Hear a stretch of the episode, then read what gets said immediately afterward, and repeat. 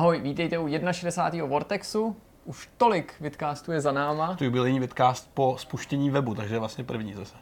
Za 61. No jasně, už jsme Je takhle. counter přetek. Takže jsme to mohli teoreticky nazvat eh, S02 E01. Třeba, abych to asi nekomplikoval. Já bych tak jasně nekomplikoval, myslím, 61. myslím, že to číslování samo o sobě je dost průkazný. Ale když navazuješ, eh, nebo respektive abych já navázal na to, co ty si říkal, to znamená to, že je to první vidcast po tom jubilejním, který se odehrával asi tak o 3 metry vpravo za zdí tohle s tou, tak eh, teda nutno říct, že je to takový zvláštní pro mě, jakože prostě, víš, že co? tam, tam byl takový prostě jako akt eh, ukončení něčeho, nebo spíš začátku něčeho nového.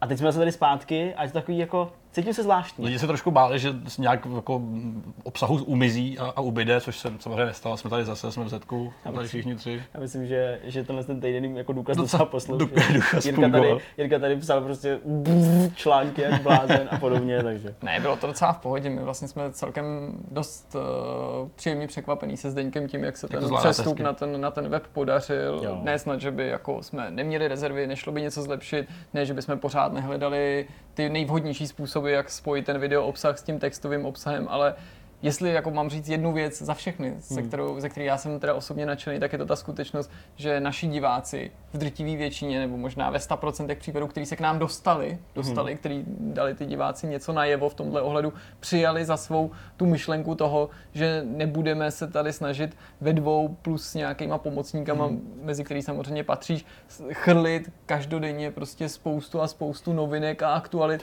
což není ani v našich silách, pokud si máme eh, udržet taky ten status, který jsme Přesně. vybudovali na YouTube prostřednictvím toho videa. To jsem strašně rád, že nás do toho vlastně jako nikdo netlačí a naopak, že se tam hrozně moc eh, objevovali příspěvky v tom duchu, jako ne, dejte si jako záležet na těch věcech, které děláte tak jako dřív, dejte si na čas, prostě radši méně článků, ale pořádných a v tom duchu se to snažíme dělat, to je jako hmm. nesmírně povzbuzující, Hmm, to je i když na tom nějakém materiálu pracuješ, že vím, že se nemusím hnát, že už to nemusím dokončovat, že už se nemusím vrhat na další, že prostě můžu to udělat jako všechno a ty panikaříš. tak, jak tomu člověk věří a je to jako příjemný pocit vybrat si z toho množství zpráv, které se každý den dějou, tu, kterou považuješ za opravdu zajímavou nebo důležitou a pak se jí věnovat do té míry, aby to právě nebyly jenom dva odstavečky, ze kterých se vlastně doví člověk strašně málo. Já bych chtěl taky tímhle tím směrem vlastně poděkovat. eh, Podobná věc, eh, za kterou tady děkuje Jirka, a to, že, nebo to je spíš jako z naší strany reflexe jako od Vortexu, ale, ale co mě eh, nadchlo a potěšilo je to, že, že komentujete, že píšete hmm. komentáře. Ono jich nemusí být 100, ono jich nemusí být 50, ale když prostě vidíme tu reakci i na tom webu a často ty reakce se opravdu jako dost eh, úzce týkají těch článků, i když rozumím a eh, chápu, proč se objevují i nějaký provozní otázky, dotazy, to jsme připravení samozřejmě řešit a jsme k tomu dost jako schovývaví a benevolentní, protože jako těch kanálů, jak nás oslovit, je sice hodně, ale rozumím tomu, že prostě při tom sledování toho webu vás to třeba napadne konkrétně u toho článku, a třeba se to vůbec netýká toho tématu, ale právě nějaký technické věci. Takže jsem moc rád, že, že komentujete. Jsem taky rád, že opravdu se zatím jako nikde neobjevily právě nějaký Uh, nějaký názory nebo nějaký uh, obavy, právě jak říkal Petr, že by se obsah někde od někud přelejval nebo něco, jo, a je to takový jako fajn. Fakt jsem moc hrozně, příjemně, hrozně překvapivě moc- příjemný. Takhle jakoby start webu nebývá většinou takhle krásně plynulý. Často, často to bývá tak, že když je všechno takhle krásně, jako něco v zápětí podělá, ale já pevně doufám, že se nic takového nestane a že to pojede, že to pojede furt dál a dál. A kdybyste měli jakýkoliv připomínky, tak je pište, pište a pište a my na ně budeme odpovídat, eh, jak jsme zvyklí a budeme se snažit samozřejmě ten web udělat co nejlepší. Teď eh, k obsahu tohoto dílu, tohoto vidcastu. Co nás čeká? Petr má k dispozici nebo připravenou recenzi. Já jsem hrál Ride 3 od Milestone, což je takové zase jako setkání po možná i letech měsících spíš, protože Milestone vydá pořád něco, tak je to, je to, je to třetí Ride, jak říká Jirka, a já nebudu říkat teďka. Necháme to všechno No jasně.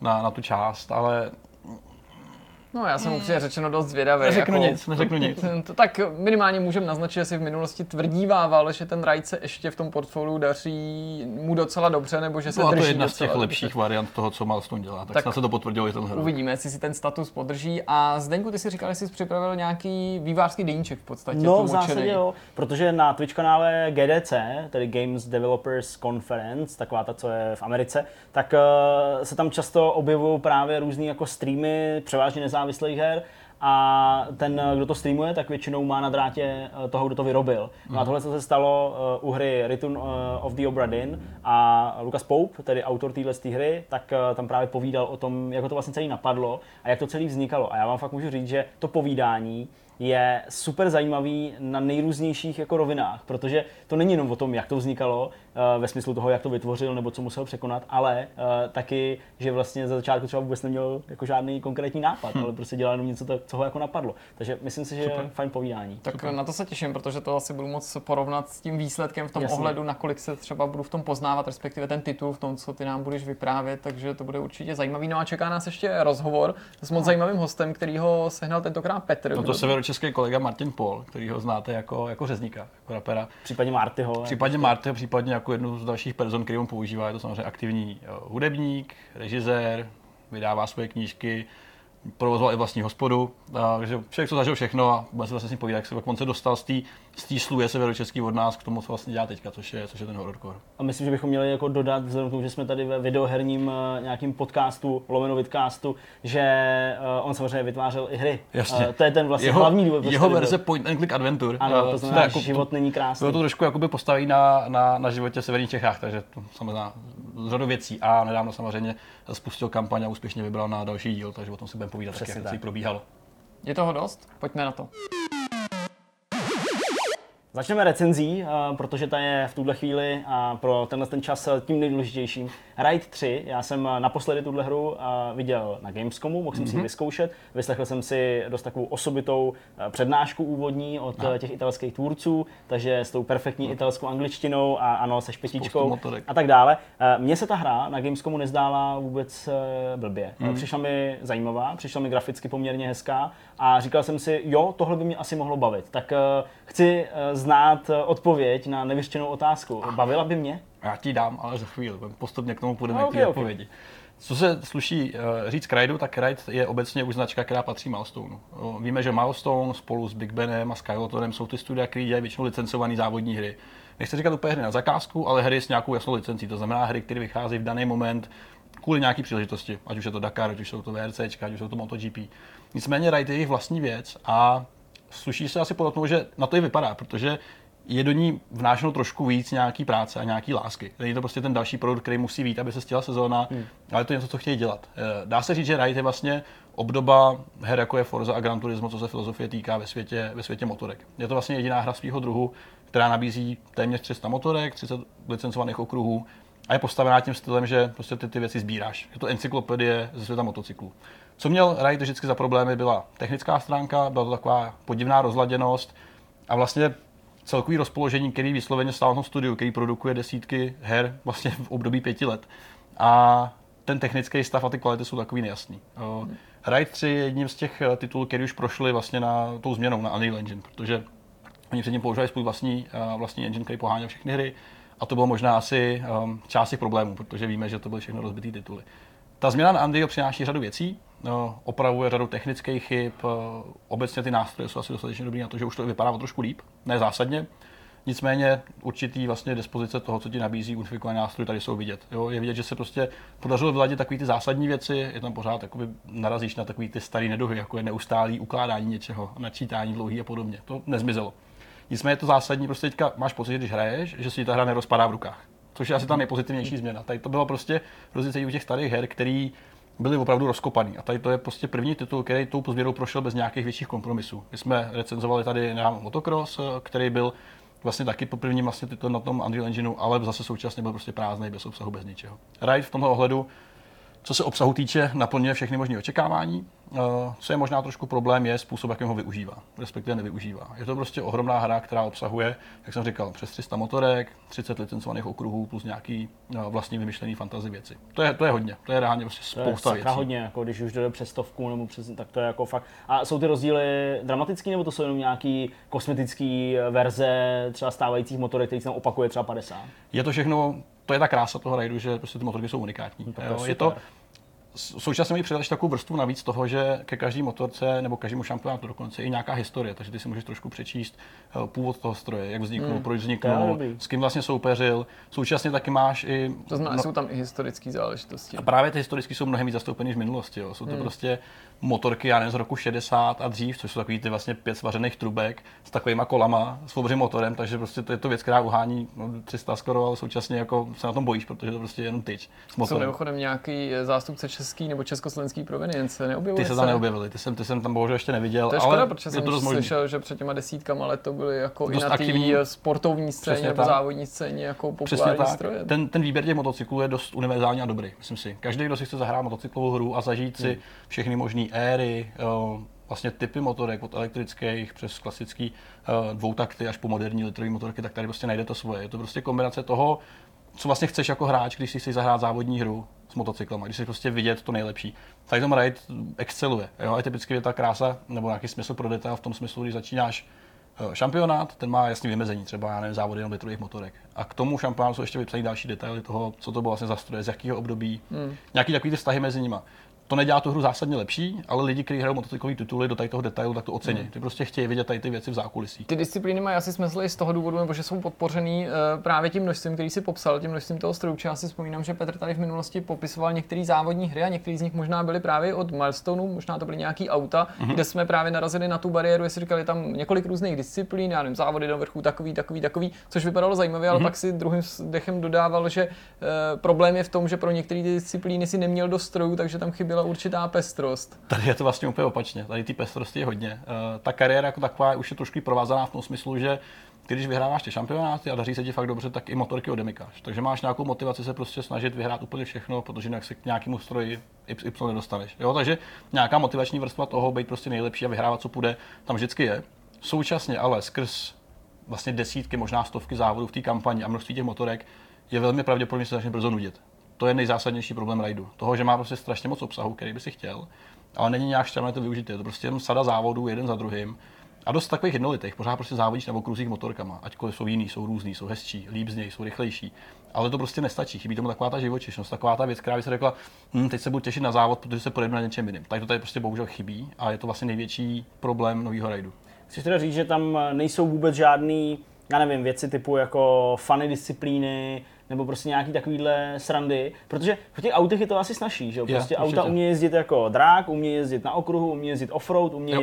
smykovat, já nevím. Ty motorky, Souhlasím, tam nejmoc co dělat. Jo, herních režimů je vlastně málo. Eh, V kampani se víceméně objevuje eh, klasický závodění okruhový a časovky. Jo, to je to největší, co prostě potkáš. Časem nějaký výroční vlastně šampionát v každé té struktuře nebo v každé té léře je, je takový, že je to prostě tematická třeba historie jedné značky, jo? že třeba začínáš z Kawasaki od nějaký první Ninja až po ty moderní. Ale to pořád děláš to samé, co děláš v těch závodech předtím. Jo? Tady to prostě je totálně nevyužitý. Současně ale já chápu, že bohužel takový využít ty motocykly je trošku těžší než u těch aut. Protože No navíc ty si stejně tolik nepotrpíš na právě ty sranda disciplíny, jak říkal jsi, že u třeba u Forzy si to ne přímo snad třeba kritizoval, říkal si to stejně přeskakuju, to mě tolik nebaví u Jasně. motorsportu. Tady to ale citelně chybí. Jo, tady vlastně jediná cesta, která vede k nějaké hratelnosti, je kariéra, která obsahuje dva typy závodů, quick race nebo online, které jsou zase ty stejné variace toho samého. Takže bohužel já bych prostě čekal trošku víc uh, nějaký šťáv tady tom. Jemu se daří celkem se dobře přiblížit té prezentaci, kterou mají právě moderní hry jako Forza nebo Gran Turismo. to jsem právě chtěl říct. Ještě tomu říkal. chybí taková ta jako Přesně. ten švih, taková ta samozřejmost, takového toho No. dávají, ale je to prostě už někde mezi tím týrem právě, kde Forza Gran Turismo, pak tady jsou ty šitové tituly, který Milestone produkuje a tady to ještě jakoby někde mezi nima. Jo? Je vidět, že mají docela nakročeno, že ten posun od proti předešlým dílům je prostě pozitivní obecně. Jo? Ta hra je lepší, ale ne zásadně. A už minimálně to, že vyladil ten technický základ, že to prostě funguje líp, zní to líp. Třeba jenom změna engineu dovolila prostě k tomu zaimplementovat noční závody eh, počasí, třeba déšť vypadá skvěle v té fázi. Hmm. Vypadá fakt nádherně, je samozřejmě funkční, má plný vliv na, na ten jízdní model. A to jsou všechno hezké věci a teďka doufám, já si slibuju od tady toho je, že tím, že mají lepší základ, že se prostě budou v budoucnu věnovat právě tomu obsahu a udělat ho trošku lepší, trošku variabilnější. Ale teďka to prostě bohužel ještě není ono. reálně. Ty jsi říkal, že vlastně tomuhle tomu věnují evidentně větší péči, mm-hmm. než možná některým těm titulům, které jsou založený na těch licencích. Z druhé strany nepůsobí to na tebe tak, že ty licence který využívali dřív a to, že mají kontakty na ty značky, to jim mohlo otevřít cestu Určitě. právě k tomu, aby tady byly pak ty firmy zastoupené v takovém množství? Určitě, já mám taky podezření, že jednak jsou právě ty kontakty, jak říkáš, prostě máš známý z různých PR oddělení kvůli licencování, kvůli těm podnikům, který máš zase svoje kontakty, že to je jedna věc. Mám i podezření z toho, že prostě nebejt tady těch licencovaných titulů, tak Milestone už nežije, protože je to prostě celkem stabilní přísun peněz, který nemusí být úplně nutně závislý na tom, co prodáš, ale máš tady nějaký deal s tím vydavatelem, s majitelem té licence, který ti část vývoje třeba zaplatí. Jo, takže to jsou podle mě ty věci, které dělají ty peníze nebo udržují to studio nad životem hmm. při životě. Jo, ale současně ten je prostě něco, co podle mě chtějí dělat. To je ten jejich titul, který si konečně chtějí vyzkoušet. Jo, a třeba ten jízdní model jako takový, ten sám o sobě může být pro spoustu lidí nějakou výzvou, protože ta křivka toho učení o motocyklu je trošku jiná. Že jo? Tady vlastně celou dobu bojuješ s tou motorkou reálně. Ale chybí tomu taková ta vrstva toho pohybu těla, což je bohužel něco, co těžko budeš simulovat. Jo? V autě prostě dáš dokupy celý ten model chování, že jo? tlumičů, pneumatik, pohybu toho auta, váhy a podobně. Tady bohužel půlku toho úspěchu jako v motocyklu, motorsportu tvoří ten samotný řidič, který se na tom nějak hýbe. To tady bude vždycky chybět. Jo? To fyzično teda toho Takže tam není ani jezdce, možnost jakoby, ho nějak eh, já Korigovat na tom samotnostroji? Elementálně ho tam prostě Hmm, ne. to bohužel ne, to bohužel ne. Jo. Samozřejmě to samotné handlování ty motorky je dost těžký na to, aby se to dlouho učil. Jo. Že Hmm. vlastně po celou dobu hraní ty nebudeš mít, aspoň si teda troufám tvrdit, pocit, že dokonale víš, co děláš, že tady je vždycky něco, že prostě jsou tady motorky, které jsou rychlejší, které jsou lehčí. Jo. Často prostě jsem váhal, jestli dám na dlouhý trati přednost něčemu, co, je, co jede opravdu rychle, ale těžký na ovládání, nebo současně prostě lehonký, ale zase nebudu stačit na rovinkách. Je to takový jako balans. Tady to v té hře pořád funguje. Je vidět, že nějaký základ v těch motorkách, v tom jízdním modelu prostě pořád funguje dobře, to nastavení toho fyzikálního modelu, ale současně tady prostě nemůžeš zase hrát takový jakoby krásy a čáry s tím, že prostě ti chybí ten samotný člověk, který by si nějak řešil. Jo? Takže současně já si myslím, že ten posun k tomu všemu je docela, docela přirozený a dobrý. A to, co se ukazuje v těch trailerech, jak to vypadá líp a je to hezčí, tak to je skutečně pravda. Jo? Ty samotné motorky tady hrajou tu hlavní roli. To jsou prostě, já nevím, Nathan Drake Fancharty, tady je prostě motorka, je to prostě ta věc. Ty modely, ta prezentace toho, jak nastoupíš do té hry a vlastně ta hlavní scéna, to menu je to, že ty jsi v nějakém obýváku, kde prostě vždycky stojí tvoje vybraná motorka. Je to prostě hrozně hezký, je to zbytečný, ale ten dojem z toho, že máš něco lepšího než jenom další arkádový titul, který vyjde, je prostě znát a je to citelnější. To všechno, promiň, V pohodě, v pohodě, povídej. Eh, to všechno, co jsi popisoval, mi vlastně připadá, jako že to zavání budoucnu, až budeš udělovat známku nějakým nadprůměrem, ale aniž bych chtěl jako předesílat, mm-hmm. mám pocit, že ty tvý dojmy jsou tentokrát trochu pozitivnější než kdy dřív. A zase vrátím se k tomu, co jsi říkal, je to jejich vlastní počin, věnují tomu teda větší energii, čemu bych i rozuměl, mm-hmm. dávalo by to víceméně smysl, nebo mají na to možná prostě jenom víc času a díky tomu si s tím můžou víc vyhrát. Jak to, že teda ale tahle hra je povedenější, troufnu si předeslat, než namátkou takový ten jejich variace na ten Onrush, jehož jméno se mi samozřejmě podařilo úspěšně zapomenout, takový ty, ty adrenalinový arkádový závody, takový ten jejich pokus na, Jo, o Motorstorm, no jasně, že jo. Ten jo. taky poháněl, myslím, už Unreal Engine. Taky, to byl jeden z těch prvních variací. To byl právě byl první Titavis, asi jméno na to jméno. Taky úplně Ale přesně víme, bavili jsme se o tom několikrát. Bylo to, Fakt, ale vůbec jako... Já se to vzpomenu. je to taky, hodně to znělo podle mě tom Onrushi, mám takový pocit, ale No, mě to taky nebudu právě se furt Nebudu to jako pak to, tak dopl- doplníme do nějakého komentáře nebo někam, ale zdá se, že to byl takový první pokus, jak, jak to v nějak v rychlosti přesunout na novou technologii, víš, a ono to většinou vždycky nefunguje takhle, takhle jako jednoduše a Hmm. snadno. A tady je fakt vidět, že očividně hrál Prim víc času reálně, no, asi i víc zkušeností. A podle mě se budou snažit teďka postupně převádět všechny ty své značky na, na Unreal, že jako takový. Ono to není prostě jen tak. Tu samotnou hezčí grafiku nedělá ten engine, ale to, že se můžou zase té grafice trošku víc věnovat, líp zpracovávat, najít nějaký čas na to, s těmi modelama pracovat dál.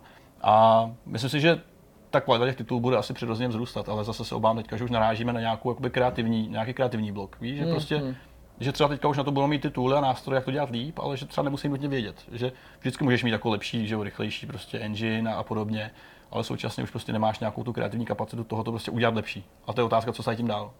Uh, ta hra se jmenovala Gravel. Gravel, Eh, jasně. jo. Každopádně uh, mě zajímá, protože vždycky, když jsem hrál nějaký motorkové hry, tak uh, nesnad, že by to přestalo bavit, jak ty si říkal, mm-hmm. to je asi velmi individuální, že jo, taky jak k tomu člověk jako přistoupí, ale zase chápu ty objektivní nějaké věci v tom ohledu, že pokud je to pořád stejný, tak to asi člověka bavit přestane. Ale pro mě to vždycky bylo hrozně náročný ovládnout tu motorku, Jo. o tom jsem mluvil taky. Moje otázka teda zní, je ta hra náročná, Eh, nebo naopak eh, je i třeba díky těm nějakým asistentům jako moc snadná a možná i to je důvod, proč někoho může nudit? Já si myslím, že je vlastně dost těžká s těmi asistentama, protože OK. funguje tady právě to, že ty musíš vlastně že neustále koukat dopředu, na rozdíl od auta, kde, kde vlastně jako sleduješ tu bezprostřední část před sebou. A tady vlastně ty musíš plánovat ten nájezd těch zatáček už mnohem dřív, než v těch zatáčkách seš. A tady, hele, já, fyzice, já používám rewind neustále. A to jsem člověk, který prostě všechny ty tratě zná, jako, a než jsem se to osvojil. Pak samozřejmě zase ty na jedné motorce, že jo, to ladíš, hraješ závod třeba 15 minut místo, místo 10, protože prostě se neustále učíš, padáš, bouráš a všechno možný. Pak nějak ovládneš a zase v druhém kole zase děláš chyby, zase někde jinde, protože zase neodhadneš brždění, jedeš trošku rychlejš a podobně, takže se neustále něco učíš. Hmm. Pak zase přijde druhý skok, najednou přijde nová motorka, přejdeš prostě z nějaký 125 na, na litrovou H2, která má 300 koní, že a najednou říkáš, e, už to zase nefunguje, protože musím brzdit o 50 metrů dál a zase se učíš trošičku jakoby jiným způsobem a jiným, jakoby jiným, jiným zvykům, který si předtím neviděl. Takže v tomto ohledu ta křivka toho učení je dost neúprosná. A myslím si, že obecně ta hra je prostě těžší, než si lidi myslí. Jo. Tím, že i když si zapnu nějaký ABS a podobné asistenty, tak ty za tebe nevyřeší ty nájezdy a podobně. To je na tom to nejtěžší. Naučit se změnit to myšlení tak, aby si prostě nebrzdil a nereagoval na tu vlastně situaci v ten moment, kdy se nastane, ale aby si prostě plánoval dopředu, jak to vlastně uděláš. A to pak zase se zkombinuje znalost tratí, znalost těch motorek, nějaký naučení se toho, jak se, jak se ten vlastně chová a podobně. Takže v takovém ohledu pro, pro, pro jakoby nějaký uspokojení toho, že se učíš a že pokračuješ a jsi prostě jako lepší a lepší, to tady funguje. Jo, že to opravdu, jak říkáš, já si myslím, že to bude v mnoha ohledech pro spoustu lidí i těžší, než by mohli čekat. Dobrá, no tak eh, vzhledem k tomu, že se nejedná o nějaký uh, super tříáčkový titul, tak uh, nemusíme asi probírat dál. Ty detaily vycházejí do z toho, co ty lidi mohli sledovat během našeho povídání.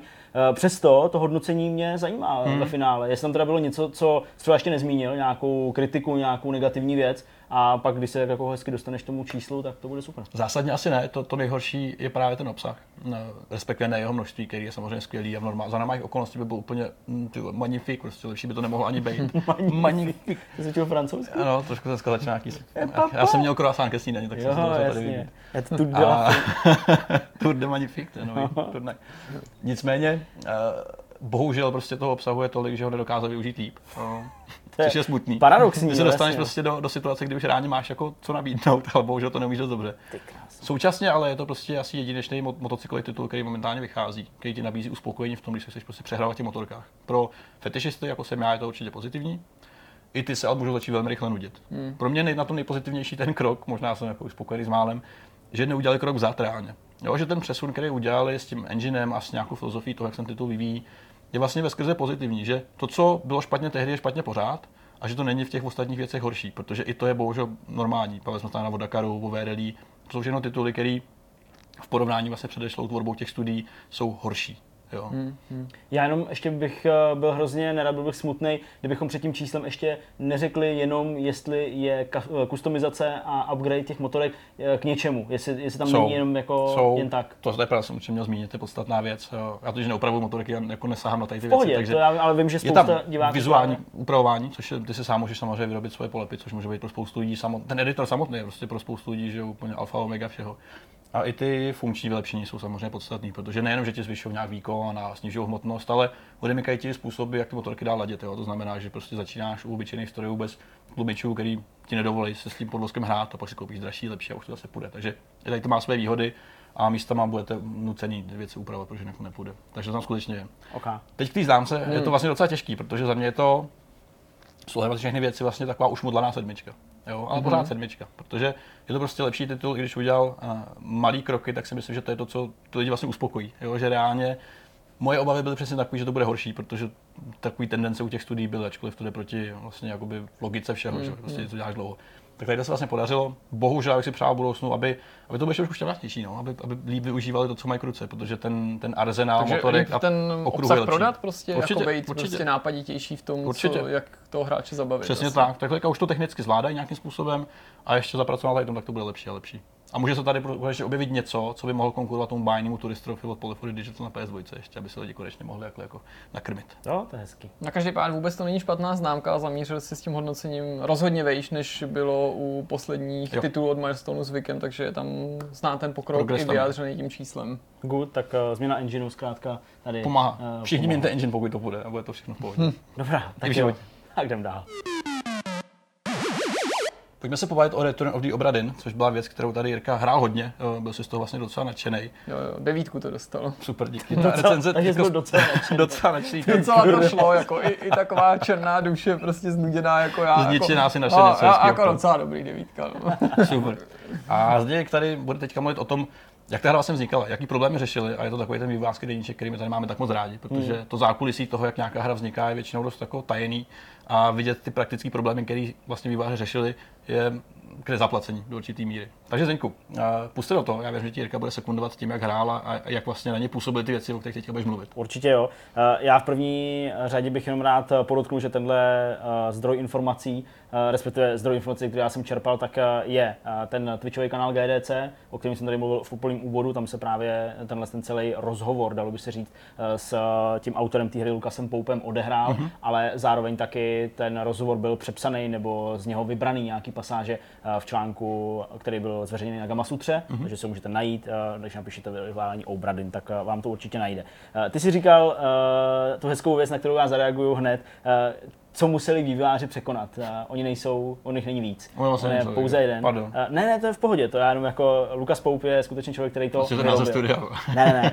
Uh, Lukas Poup je, je ten jeden, kdo to vytvořil, můžete ho znát samozřejmě díky Papers, Please, což byla Mhm. ta jeho předchozí hra. A u ní můžeme začít, protože uh, To je skvělý, že jeden člověk tyhle udělá jednu hru, to prostě obdivuju. Tak No zvlášť, když No se tady bavíme kromě stane- dubbingu i třeba o hudbě, že jo, Šílený. scénáři a všech těchto těch jako velice specializovaných disciplínách, které notabene nejsou zpracovaný jako průměrně, jo, ale to jsem, jasně, to prostě jsem to například dodal. ten namátku, ten hudební doprovod je prostě famózní. Hmm, určitě jo, jako tam, tam opravdu nelze říct nic jiného nebo jakkoliv pochybovat. Navíc jsem chtěl dodat, jako, když to udělá jeden člověk, Hmm. všechno tohle zvládne a ještě ta hra je fakt jako dobrá a fakt uspěje ještě k tomu, jo, protože často ty klenoty Jasně. zůstávají někde pod Zapadlý nánosem schovaný. prostě dalších dalších titulů. Ale já jsem říkal, že u toho Papers, Please můžeme začít, protože on sám, Lukas Poup, řekl, že u Papers, Please to, byly, uh, to byla nejdřív nějaká herní mechanika, nějaký nápad, jak by ta hra měla fungovat, než vzniklo cokoliv jiného. U Return of the Obra Dinn to bylo naopak. Uh, byl to ten vizuální styl. Okay. To se mu strašně líbilo. On vychází z toho, co uh, dělal, nebo jak hrál hry, když byl malý nebo mladý. Uh, protože on prostě vzpomíná na tu jednobitovou éru uh, nějakých těch Mac, uh, Macintoshů, Macintoshů Plus a právě ty zmiňuje. To vlastně on říkal, že on hrozně moc chtěl za uh, přispění moderních technologií, uh, jako jsou moderní nějaký enginy, moderní renderery a podobně, úplně jako zreplikovat právě uh, to, jak ty hry vypadaly předtím. To ostatně vypovídá už o tom, jak ta hra vypadá ve výsledku, to je jasný, ale nebylo to samo sebou a nebylo to bez nějakých, bez bolesti. nějakých problémů. Uh, ten první problém, který musel řešit, je to, že on hrozně moc chtěl zachovat malý rozlišení té hře. Mhm. On nechtěl jí napálit na Full HD a jenom jako nafejkovat nějaký ten, nějaký ten prostě pocit z toho, že hraješ něco retro. Takže on vlastně říká, že ty hry předtím to rozlišení měly malinký, ale zase taky byly malý displeje.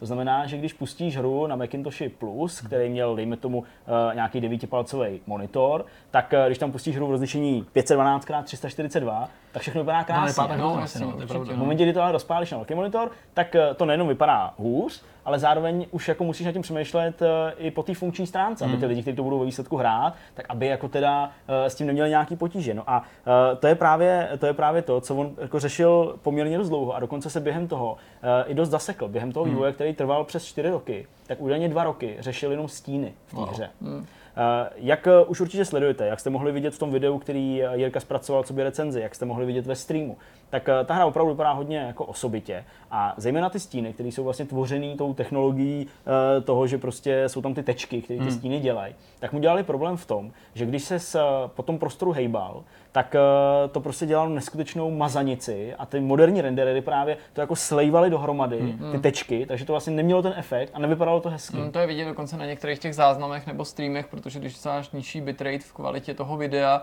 tak právě při jakýmkoliv pohybu a nejen pohybu té hlavní postavy, ale třeba pohybu typu plachty se vlní lehce ve větru nebo pohled na tu hladinu, tak se to začne celý tak jako rozpíjet a ten úžasný efekt toho ditheringu začíná hmm. jako vymizet. Takže Přesně. věřím, že i jemu to muselo na začátku jako podobně dělat potíže, aniž by něco streamoval. Přesně tak.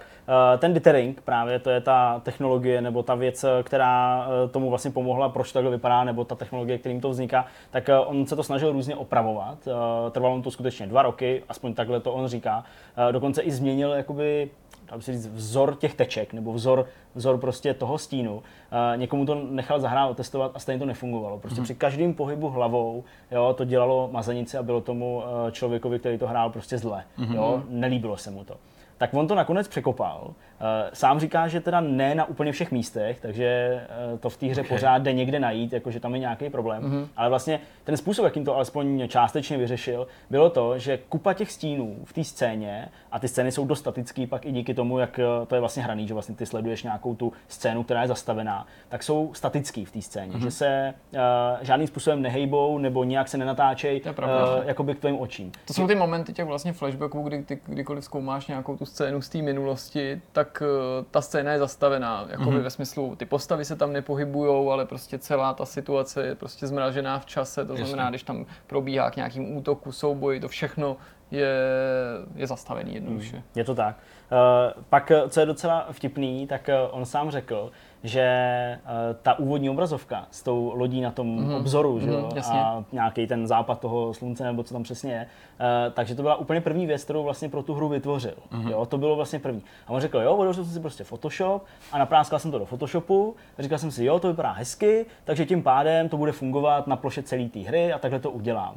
A v tom streamu opravdu říkal, že jako porovnával tu aktuální obrazovku toho, jak to má teď, hmm. s tím, jak to vypadá a je to prostě hmm. jednako jedný, to se hmm. prostě nezměnilo vůbec. Hmm. Takže to platí ale z velké části jeho úvodu té hry, protože my jsme se o tom taky bavili v tom streamu a to je jako fakt, že když se podíváš na to demo, který on vydal, technický demo, to nebyla klasická demo verze, ale ukázka, kterou právě třeba mám pocit, že na GDC prezentoval před dvěma lety, tak eh, ten úvod je téměř shodný s tou finální verzí, takže tam je jako zřejmé, že on skutečně jako ladil tu technologii, ladil ten obsah a že ten velký kus práce je vlastně neviditelný mm-hmm. nebo neviditelný.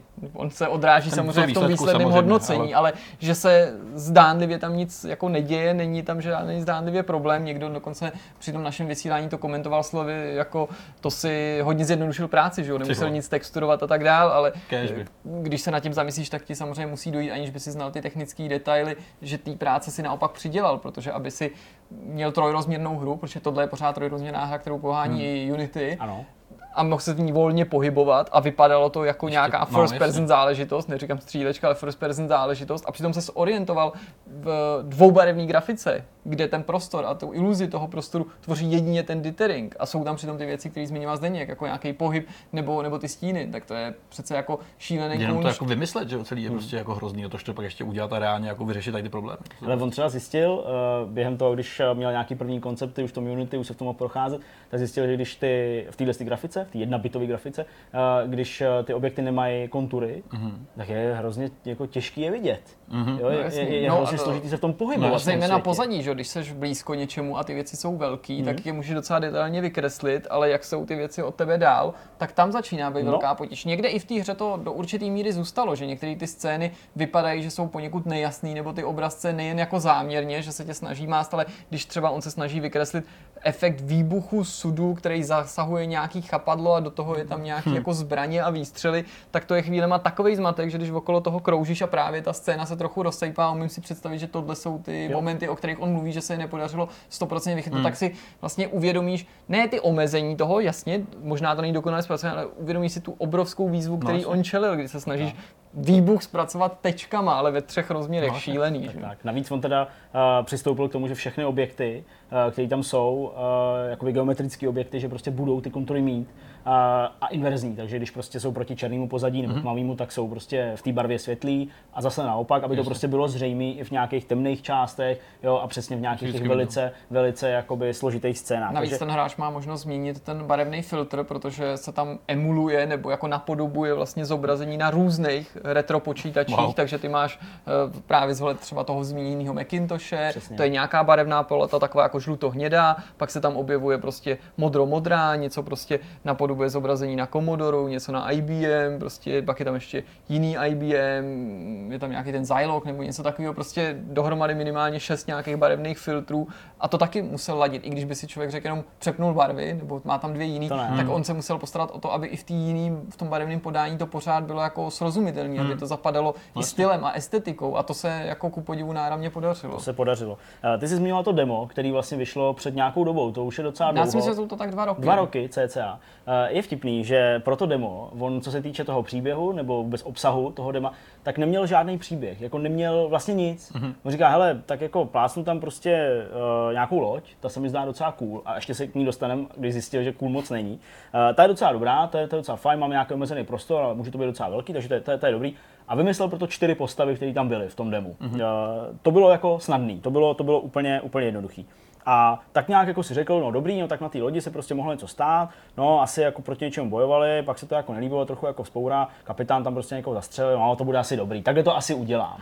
Jo? A s tímhle s tím prostě vydal to demo a pak samozřejmě musel sednout a dál to vytvářet. No a já jsem mluvil o té lodi, že jo? a ta loď se prostě na první pohled zdá fakt cool, jako to je, to je, to je perfektní kulisa, to jako kdy se odehrává nějaká, nějaká takováhle komplexní dlouhatánská adventura jenom na jedné lodi. A on zjistil, že na takových velkých lodích bylo třeba 120 nebo třeba 200 lidí. A říkal, ty to nemůžu zvládnout. To nejde udělat. No tady- takhle ty máš identifikovat asi 6 desítek, pokud se nemýlím, což on je říkal- součást té náročné hratelnosti. Přesně. A on říkal, no tak uh, hned mě napadlo, že to musím osekat, tak aspoň na 80. Mm. Když byl prý u nějaký 30. nebo 35. postavy, kterou musel jako nakreslit, kterou musel jako vyrobit. A teď ještě ani v tu chvíli pro ní nevznikalo nějaký to backstory, tam No, se taky jako měnilo. Z tohoto jsou mimochodem, promiň, že ti do toho skáču, ale úplně vynikající videa na jeho kanálu, který Jo, možná jsme do jo, tohoto povídání určitě. zařadili, kdy on několikrát sám sebe jako nechával nahrávat, sledovat, jak právě vytváří ty 3D modely, které jsou často docela jako takový jako vlastně jednoduchou vše jsou. zřejmý, že až ta technologie jim vdechla ten život, ten, ta druhotná, nebo právě i to, jak vytváří tu loď, jak používá nějaký referenční obrázek a tak. Přesně tak, přesně tak. No a on teda říkal 80, že jako by asi šlo, pak teda usoudil, že jako ne. A horko těžko. On říká fakt teda jako, že ho to stálo obrovský úsilí, udělal jich 60. Ale že to bylo jako brutální. No a uh, z toho nápadu, který vytvořil pro to demo, že tam teda byla nějaká spoura nebo hmm. něco a oni začali mezi sebou nějak mlátit nebo prostě umírat z nějakých důvodů a nebudu tady dál spojovat, protože uh, pořád ta hra je dost živá, bych řekl. To určitě. Tak uh, on vlastně jako říkal, dobrý, tak to musí jako pokračovat. Takže teďka budou teda hráči zkoumat, jako, jak ty lidi umřeli. To je, to je, to je, to je prostě jako dobrý. To je, to je vlastně fajn, taková vyšetřovací věc.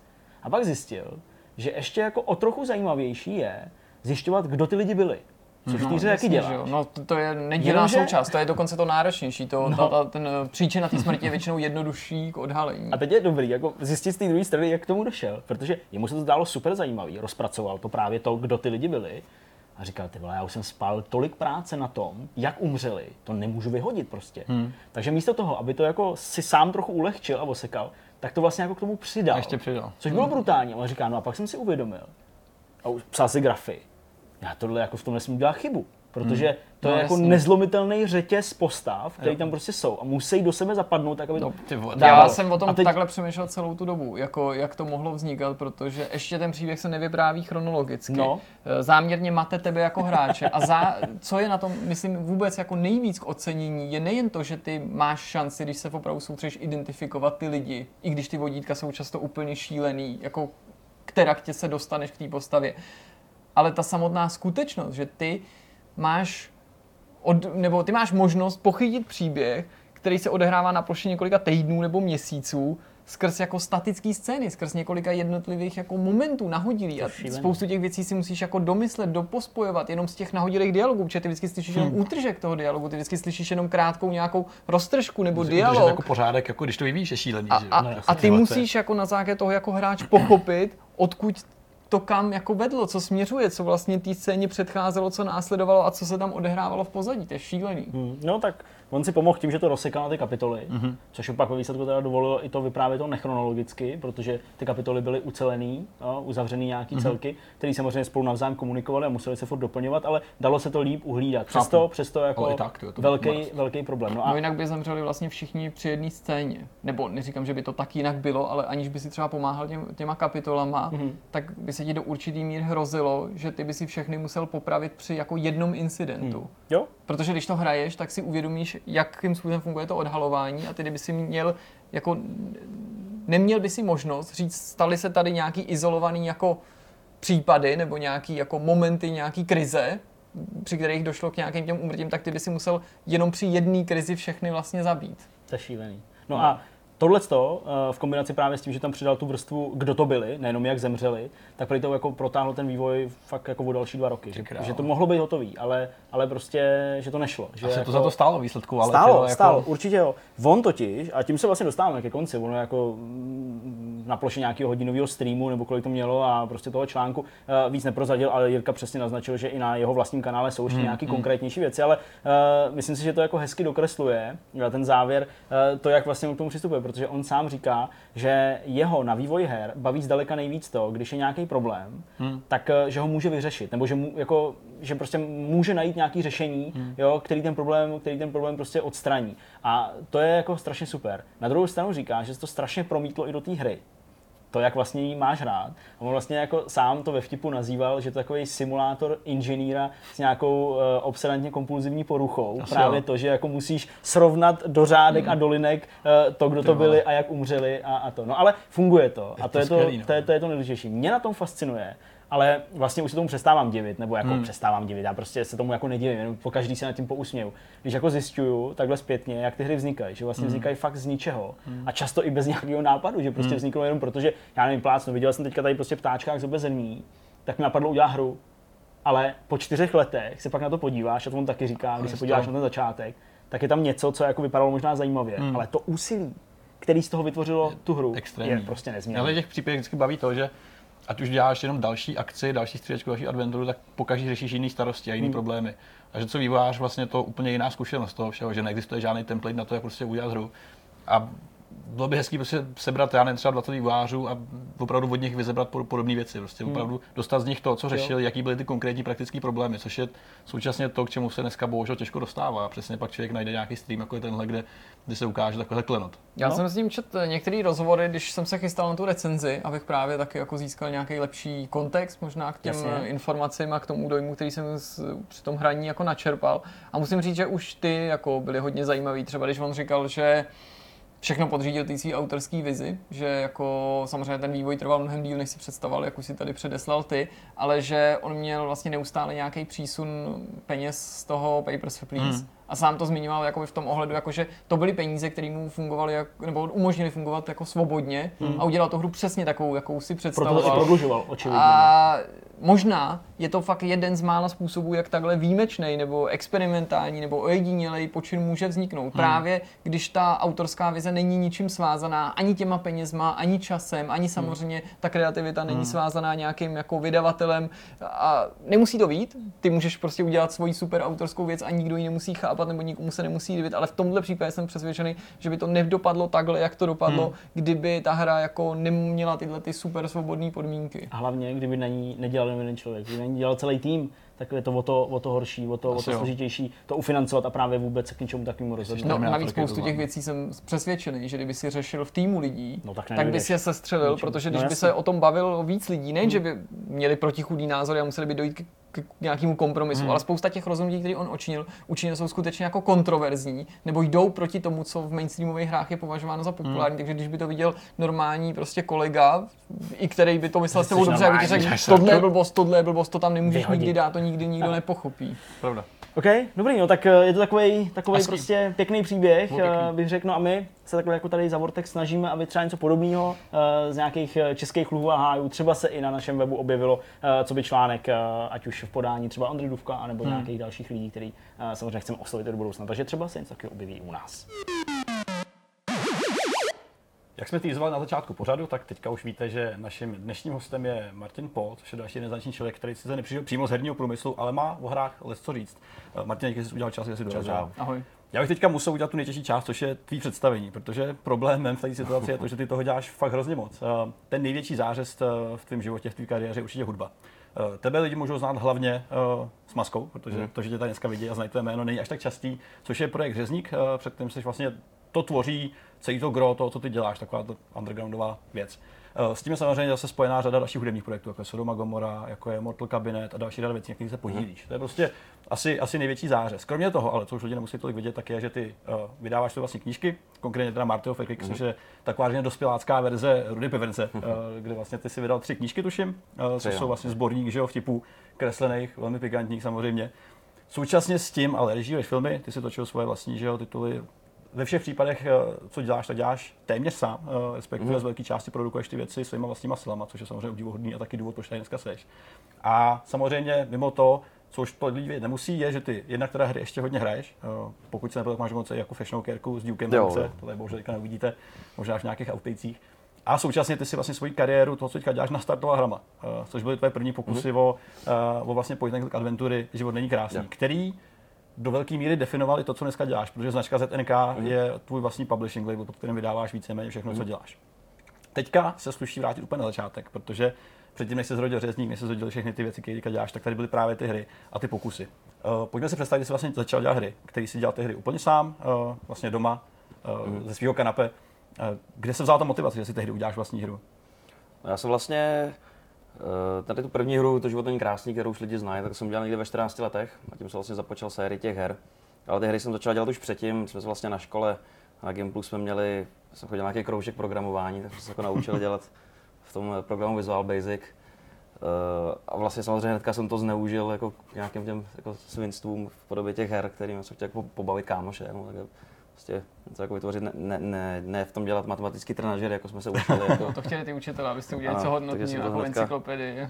Takže předtím už bylo pár takových her, jako, Ok. okay. co jsem zkoušel si dělat, ale jako ještě dokonce je někde mám, ale to jsou takový jako nehratelný. Pak byla vlastně první hra Vrah, to byla ještě předtím až krásný, a to jako jsem udělal, když mi bylo nějakých 11-12 let. To si držel tematicky velmi A to pořád jako uh, považuji za svůj jako nej, nejbrutálnější projekt, co jsem kdy udělal. že tam bylo jako v podstatě, to bylo podobně jako to život není krásný, jako jednodušší.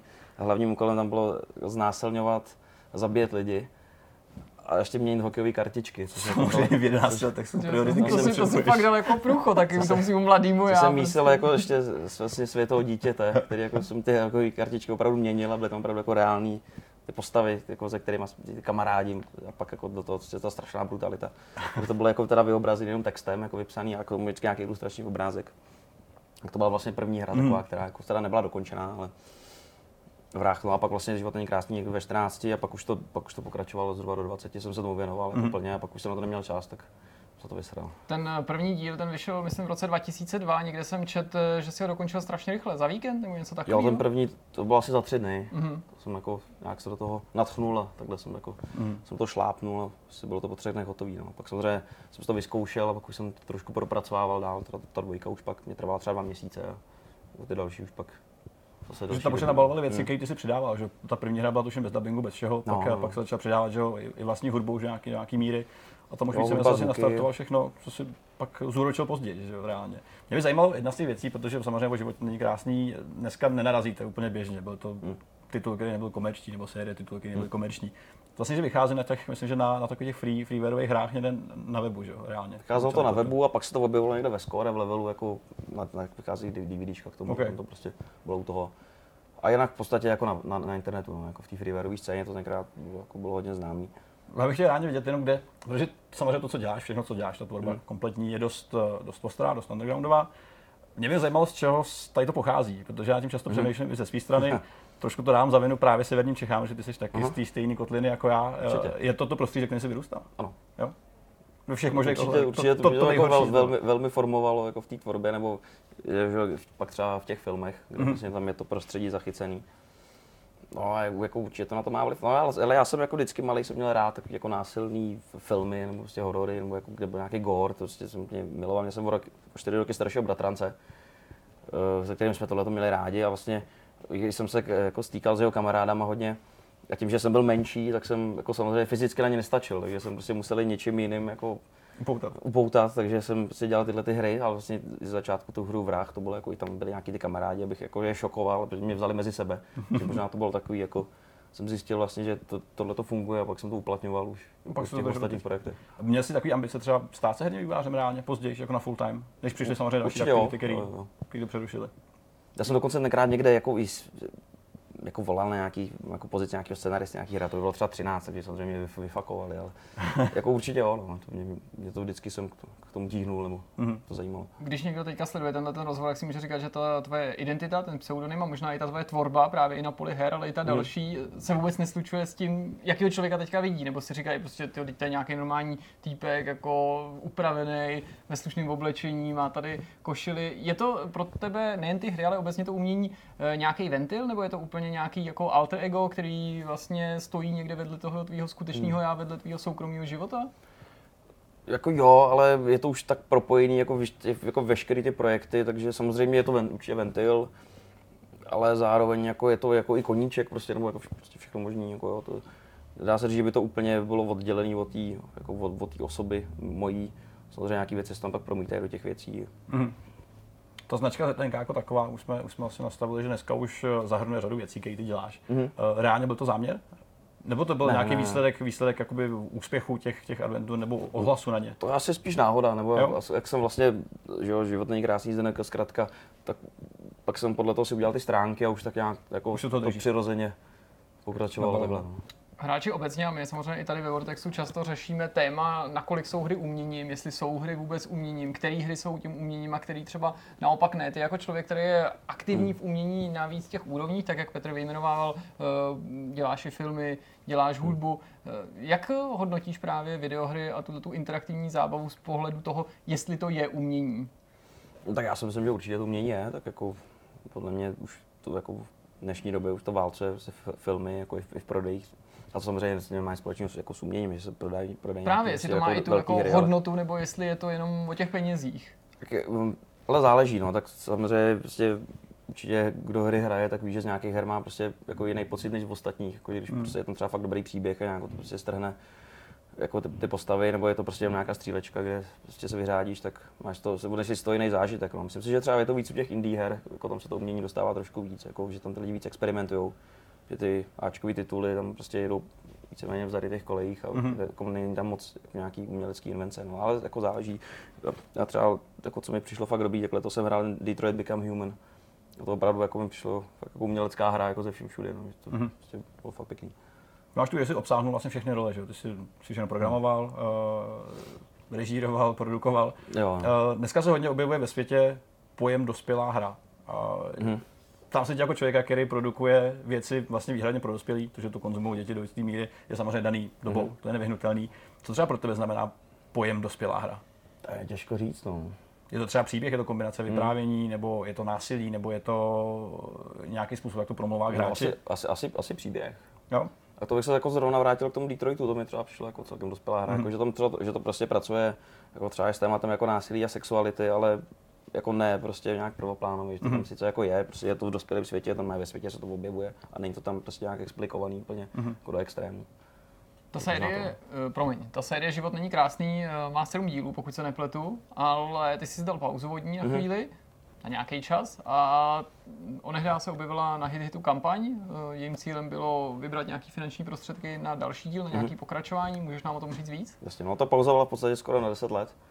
Eh, Já jsem měl rozpracovanou osmičku ještě, ale nějak, jako vlastně už jsem si tam předem vybral takový blbý koncept toho, že ta hra vlastně měla, měla vlastně obsahovat i obchod s drogama, kde člověk jako kšeftoval, tím si, tím si vydělal peníze a bylo tam jako, že mohl si doma pěstovat trávu a jako bylo to taky hodně komplexní a nějak jsem se v tom už jako zamotal a přerostlo mě to přes hlavu a už jsem prostě pak nebyl schopný se k tomu vrátit nebo nějak se v tom najít, tak jsem od toho odešel radši.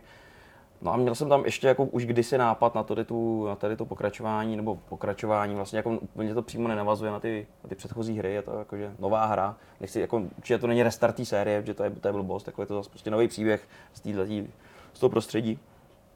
A vlastně má to podtitul Poslední exekuce. Člověk tam hraje za exekutora, který jako tráví svůj poslední den v práci před odchodem do důchodu a jako je to ten jeho, ten jeho den a pak samozřejmě se to ještě trošku zamo- zamotá, zmíní. Tak, a ten, ten nápad už jsem měl nějakou delší dobu. No a právě potkal jsem se, no potkal jsem se se spoustou lidí, ale jeden, jeden kamarád, ten Nikola Djokic, který dělá stand-up, tak se známe už docela dlouho a on byl vždycky fanda těch her, takže mi právě jako říkal, proč neuděláš další pokračování. Já jsem říkal, že už na to nemám stílu, jako dělal to sám, že vím, že to, co to všechno obnášelo, je hlavně ta grafika, prostě programování. Takže jsme nějak dali okupy tím, to, že by se mohla udělat kampaň a vybrat prostě na to peníze s tím, že by tu grafiku udělal nějaký studio a prostě lidi by se na tom podíleli. Mm. Pak se na to ještě nabalili asi ti další dva, tři lidi, kterým otvoříme nějaký mini studio. No a kampaň vlastně eh, proběhla někdy, nevím, to bylo květen. Červen, červenec, červen, možná tak nějak. kde jsme vlastně vybírali 300 tisíc na, na, ten projekt, což tak zhruba jako stěží pokryje ty náklady na to, Mhm. že přece jako výroba ty grafiky, když se to zadá grafickému studiu, tak je to docela, je to, je to docela nákladný. A vybrali jsme přes 400 tisíc, takže ten projekt teďka Což je reálný úspěch teda. Je to úspěch a projekt teďka je ve, vý- ve vývoji. Takže kolik vás reálně na to bude celkem? Nebo je? No je nás, je nás na to reálně pět jako tvr, tvrdý jádro a plus vlastně externě ta grafika. OK. Takže ty děláš nějaký scénář, máš programátora, eh, nebo Scénář, scénář dva, dva, dva, programátoři, pak mám jednoho vlastního grafika ještě na nějaké jako cutscény a takové prostě drobnější věci. A pak uh, jsou tam ještě dva kluci, jako za, z market, jeden z mar, za marketing a druhý právě ten Nikola, který jako vymýšlel nějaký nápady do té hry a celkově jako mi s tím pomáhá. Jaký to bylo po těch letech se k tomu hernímu vývoji vrátit? V něčem tě to překvapilo? Bylo to jako osvěžující změna po tom, co jsi dělal teďka? Nebo jsi naopak řekl, tyjo, už jako mě baví ty jiné aktivity víc? No, Já jsem se na to dost těšil, popravdě. Jsem právě zase chtěl zkusit něco jako nového, starého, co znám eh, po dlouhé době, takže jsem se na to fakt těšil a je to super, baví mě to, baví mě to hodně. Eh, Co se změnilo, tak je vlastně ten eh, program, ve kterým se to vyvíjí, dělá se to v Unity. Mm-hmm. A jako byl jsem i překvapený z toho Unity, když vlastně, já jsem si říkal, že vůbec to, to programování jako, to dělat nebudu, ale vlastně pak ten Lukáš by v tom ukázal trošku nějaké jako základy, takže jsem tam i něco, jako nějak, tam přímo do toho editu ty texty a jako fakt je to pěkný program. Mm-hmm. Reálně, pokud jde vývoj jako takový, máš reálně ještě vůbec čas se tomu věnovat naplno? S ohledem na všechny ty aktivity, které máš, ať už jde o hudbu, psaní, Jo, určitě, filmy. jo. Jako mám to, mám to, je to vlastně celý, celý ta hra je určitě jako pod mojí taktovkou, že to jako všechno kontrolu, vlastně veš, vymeším veškerý ten scénář, Mhm. píšu veškerý, všechny texty, takže jako jo. Předpokládám, že co se týká toho tématu, který vlastně ta hra nabízí a příběh a všechno, tak nemáte úplně ambice to někde prodávat. Nebo, nebo No, by si, ne, tak jako vydat ta- a- vydělat něco na tom napřímo skrz já nevím, nějaký dnešní platformy, jako je Steam a podobně, nebo jít prostě úplně bokem a nabízet to nějakou alternativní cestou. Jako zkusíme to, jestli to samozřejmě je otázka, jestli to vemou, ale určitě to bude jako digi- digital download někde na Znepe shopu, potom až to vyjde. Mhm. Zase jako by, by to přijde nefér, že byste to teďka lidi vlastně, jako, vlastně zaplatili v tom Jasně, Jasně, a pak a pak, by to, to pak by to bylo zadarmo. zadarmo, tak to je takový to. Kdy myslíš, že bude titul hotový? No, já si myslím, jak třeba červen, červenec, 2019, no, by to mohlo být. Jako teďka fakt na tom jako hodně, hodně makáme, nějaký jako zhruba půlka té hry je napsa- napsaný scénář, nevím, dvě třetiny grafiky, jo. Nějak jako se, to, se to Mhm. valí dál. No. Umíš si že už teďka třeba v rámci té práce aktuální, že na tom děláte, představit, že na tenhle ten titul naváží nějaký další, nebo máš pocit, že je ten vývoj čím dál náročnější, to hezky ilustruje Hmm. vlastně i ten tvůj příklad, první hru si udělal za tři Hmm, dny hmm. sám, teď už musíš mít Hmm. nějaký lidi, celý to bude třeba trvat rok. Eh, Odrazuje tě to, nebo tě to naopak motivuje zkusit to jít do toho dál? Ne, určitě mo- motivuje mě to a rád bych zkusil třeba nějaký jako jiný typ hry, nebo jako něco, Mhm. mm-hmm. než, než jen tady tu point and click adventuru, na který jsme si vlastně řekli jako i v tom studiu, že to chceme jako osvěžit, zase osa- zkusit, zkusit si to, vůbec tu práci dohromady v tom, v tom týmu. Ale jako určitě, určitě by něco dál mělo vzniknout. No. Hele, a reálně po teďka, Pokud to jako nebude samozřejmě úplný propadák u těch lidí, ale to, to si myslím, že ne. Jasně. A jako i, i, to, že teďka ta hra trvá, vlastně vý- vývoj té tr- hry trvá rok a dělá na tom opravdu tým, tak to znamená, že ta hra bude jako i hodně delší, než byly ty předchozí hry. Mhm, třeba. mhm, mhm.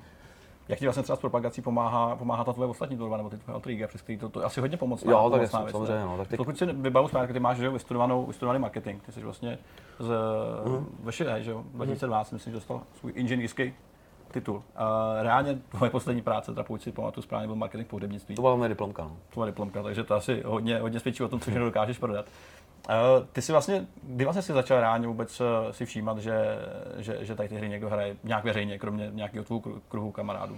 Tak to vlastně už bylo hnedka od začátku, když jsem tu první hru umístil na nějaký ten bonus web, nebo co tenkrát byly, jako, Mhm. mm-hmm. kde, kde, se to objevovalo, tak už to tam to mělo prostě u těch hráčů jako docela dobrý. A akceleroval, to třeba vlastně. nějaký tvůj další, jako, další počínání právě v té hudbě? Nebo to bylo úplně separátní a prostě to nějak jako sedlo? A, Tak ta hudba vlastně přišla až o něco později, jako, nebo tak jak to lidi znají, že jo. Jsem jako něco dělal ještě předtím, ale To znamená, nemáš pocit, že by ty hry otevřely cestu k tomu, nebo dejme tomu, ne, že ne, by to, to určitě ne. Že To, to, to, spíš, to spíš naopak teďka jako Zpětně. zpětně k té Hmm. kampani to přitáhlo lidi zase. No. Ty jsi zmínil, že hraješ nějaký nezávislé hry, oceňoval si tady třeba Detroit, což je... To jako není úplně nezávislá hra, ale Ne, ne, to jsem myslel jako bokem, že jsi Jo, zmínil, jo, že hraješ jo. nějaký nezávislý hry, Jo. že jsi tady ocenil Detroit, což je něco úplně jiného než uh, Život není krásný. Čili se může Mhm. nabízet i otázka, jestli prostě ty další tvý projekty budou tohohle toho druhu, že to bude prostě pro touhletou značkou a něco ostřejšího, nebo jestli pomýšlíš i na to, že by si zkusil něco, co víc třeba konvenuje s takovou tou běžnou mainstreamovou produkcí. A tím nemyslím jako, že to je vysokorozpočtový Mhm. titul, ale že to není, že to prostě to téma si vybereš jiný. Jako já si myslím, že ať budu dělat už cokoliv, tak tam vždycky prostě to bude trošku, trošku asi ostřejší. Takže to si myslím, že, by, že bych najednou úplně udělal nějakou hru, jako mimo Mhm. mm. tohle to asi se nepřichází v úvahu, ale jako mimo, mimo ten žánr určitě. A jako podle mě se dá udělat mainstreamová hra jako i jako dost postaráně, tak máš třeba GTAčko, který jako je fakt, jako- prostě bylo fakt jako brutální, Hmm. Hmm. jako to jde no, udělat i takhle. Samozřejmě reálně, když eh, začne člověk jako ty mluvit o, o svý nový hře, která obsahuje to, co obsahuje, tak se na tebe snese i řada různých kritiky kolem. Eh, Tím, že je to prvoplánově hrubý a ostrý, mm-hmm. což samozřejmě asi do jistý míry je. Mm-hmm. Jak se stavíš těm reakcím vůbec? Bereš to vážně, nebo je to prostě stylem dělám si, co mě baví a co chci No, udělat a to mě uklidňuje? Tak jako je to pravda, že je to jako prvoplánově brutálně a sprostý. Ale zároveň je tam jako docela zajímavý příběh, který mm. se tam prostě pak rozvine dál. Jako, samozřejmě vždycky ty hry byly o tom pobavit toho hráče, jako vlastně, nic moc jiného nešlo, jako nechtěl jsem tím sdělit nějaký úplně hluboký poselství, nebo jako něco prostě, co dokázat, ale prostě pobavit, pobavit hráče, a to si myslím, že prostě počítačové hry o toho jsou. Přemýšlel jsi, jestli se třeba nezměnilo nějakým způsobem to publikum, že Vkus hráčů se samozřejmě hmm. proměňuje, že jo, právě i si popisoval tu kulturu, která byla nabalená na, obecně na ty free hmm. hry, na to stahování, který bylo právě na přelomu milénia strašně populární a taky, že se ty hry samozřejmě distribuovaly na těch CDček, CDčkách, hmm. které byly přibaleny těm časopisům a možná je to právě i taková jako naše podobná generace, že jsme hmm. jako věkově na tom dost podobně, že tehdy hmm. tenhle ten druh humoru jel, tenhle ten typ těch her jel, ty se třeba, když se do toho znova pouštěl, jak si jako se zabýval tím, jestli jako je to pořád něco, co se lidem líbí, jestli se ta doba nezměnila, neposunula? Tak samozřejmě asi jako, když to takhle přímě řekneme, tak asi si myslím, že to je mrtvý žánr docela, jako hmm. právě ten point and click adventury v dnešní době. Ale zároveň jako ta hra, kterou teďka vyvíjíme, vychází tady z toho stylu, ale už je jako samozřejmě modernější máhu, protože už v tom programu se dá dělat jako mnohem víc věcí. A je tam třeba i docela dost mezi, meziher, který to trošku oživují, že to hmm. není jako vlastně takhle stupidní. Uh, já jsem se v tom jak Chápu, prostě jako my jsme si z toho odnesli to poselství, že jinými slovy ta hra prostě se snaží jako, najít i na nějaký ty modernější trendy. Jasně, a zároveň jako především by to mělo být hlavně pro ty starý hráče, který, kterým se hmm. líbilo dřív. A ten druh humoru prostě, jako nevím, přijde mi to, že třeba jak byl ten nový South Park, tak jako bychom chtěli třeba jít trošku tímhle tím směrem. Mm-hmm. Kde to vlastně to je na tom založený a je to super hra. Ty jsi reálně zažil za svou kariéru dost drastický vývoj, když si člověk porovná to, co jsi dělal před lety a děláš teďka tak kvalitativně, produkčně, technicky je to vlastně všechno o míle daleko. Eh, je třeba něco, co jsi naučil v hudbě eh, při psaní, co se ti bude hodit právě teďka eh, při vývoji hry? No, tak asi možná celkově tu práci, ne, jako, jakože projektový management, jako mm-hmm. děláš prostě na nějakém projektu, tak trošku jako si to nějak prostě naplánovat dobře mm-hmm. a takhle, možná takhle v tomhle tom směru. Mm-hmm. A samozřejmě člověk pozná spoustu lidí, takže jako znám lidi, co mají prostě hudební studia, takže když tam budeme chtít někoho na dubbing, tak nebude třeba tak složitý ho sehnat. Že jsme, samozřejmě jsme říkali, že bychom tam vzali nějakou jako známější tvář, třeba na dubbing té hlavní postavy. A už víš někoho, koho jako ještě Jsou nějaký lidi ve hře, ale ještě to prostě nemůžu, pro sebe. Okay, okay. Co ty sám hraješ eh, za hry, kromě těch eh, men, co tady už padly? Jako různě, no, jako dřív jsem měl rád strategie, už teďka moc nefrčí. Jsi bohužel vybral všechno žánry, které už jsou takový Přesně, jako odumřelý, no, trošičku. Teďka třeba hraju Red Dead Redemptionový, tak to je baví. A jako hraju, hraju hlavně na PlayStation teďka, takže vlastně ten komp, kde tam, tam pracuju, takže už mě pak nebaví trávit, máš oddělení, ten čas. Už dál. Ty už si, Martin, obsáhnul řadu médií, o kterých jsme zmiňovali přes hudbu, po knížky, po hry. Je tady ještě něco, kam se chtěl třeba uvrhnout dál? Máme tady komiksy, máme tady řadu ještě věcí, které by stálo za to vyzkoušet. Máš třeba nějaký další plán do budoucna, kam by se chtěl rozšířit ještě? Já tak jako komiks třeba by byl určitě zajímavý, nebo napsat nějaký román. román by podání by byl asi zajímavý. To je to samozřejmě možnost, až už člověk pak bude starší, nebo no, tak tím třeba odejdu nohy. tak budu sedět doma něco jako smolit. Tak. Řekni mi, uh, my jsme trošku zakecali to téma o těch uh, hrách. Je třeba ta, ta, ten titul, který ty si vybereš, aby si u něj odpočinul, v něčem podobný jako titul, který by si chtěl hmm. dělat, nebo to vůbec jako neslučuješ a prostě tebe baví dělat hmm. nějaký typ hry, ale klidně si odpočineš třeba vím, u závodů? No, asi je to, asi je to jedno, tak jako já zase jako tu hru nevyvíjíme tak dlouho, abych z toho musel být nějak, jako, že bych po toho utíkal, takže klidně i hry, jako, které jsou tímhle tím směrem, jako jsem říkal třeba ten South Park, nebo, ale jako moc takovýhle her není, takže spíš, spíš asi hraju ty tituly, co vycházejí prostě Ačkový, jako, ne, to zásadní, aby si zkoušel to, to nejnovější. Reálně tady byla možnost, to řekněme, teďka přišla nabídka, ty si mohl říct, hele, nebo někdo by ti řekl, pojď pracovat k nám. Uh, byl by tady nějaký studio, nějaký titul, na který by se chtěl vysloveně podílet? Mm, jako teďka momentálně nevím, že by něco vznikalo, co, jako co, co, co tak zásadního, co by si musel co, jako, jako, že ani moc nevím o ničem, co by vznikalo, jako za to tak nesledu. Jasně, okay. Ale jako jo, jako jasně no, proč ne? Jak vlastně sbíráš informace o hrách, když říkáš, že to třeba nesleduješ průběžně hmm. nebo na pravidelné bázi, protože to je pochopitelný, máš spoustu aktivit, máš prostě spoustu věcí, které tě zaměstnávají a vytěžují. Jak se k tobě ta informace hmm. o tom, že je tady nějaká zajímavá hra, kterou by si třeba chtěl zahrát, dostane? Tak uh, většinou někde to mám na homepage, jako v nějakém prostě prohlížeči, už mám prostě víc z těch herních serverů, takže takhle hmm. to sleduju. Hmm. Takže na do už, už, už, tolik jako nejedeš a je to vysloveně zábava pro tebe momentálně. Jo, jo.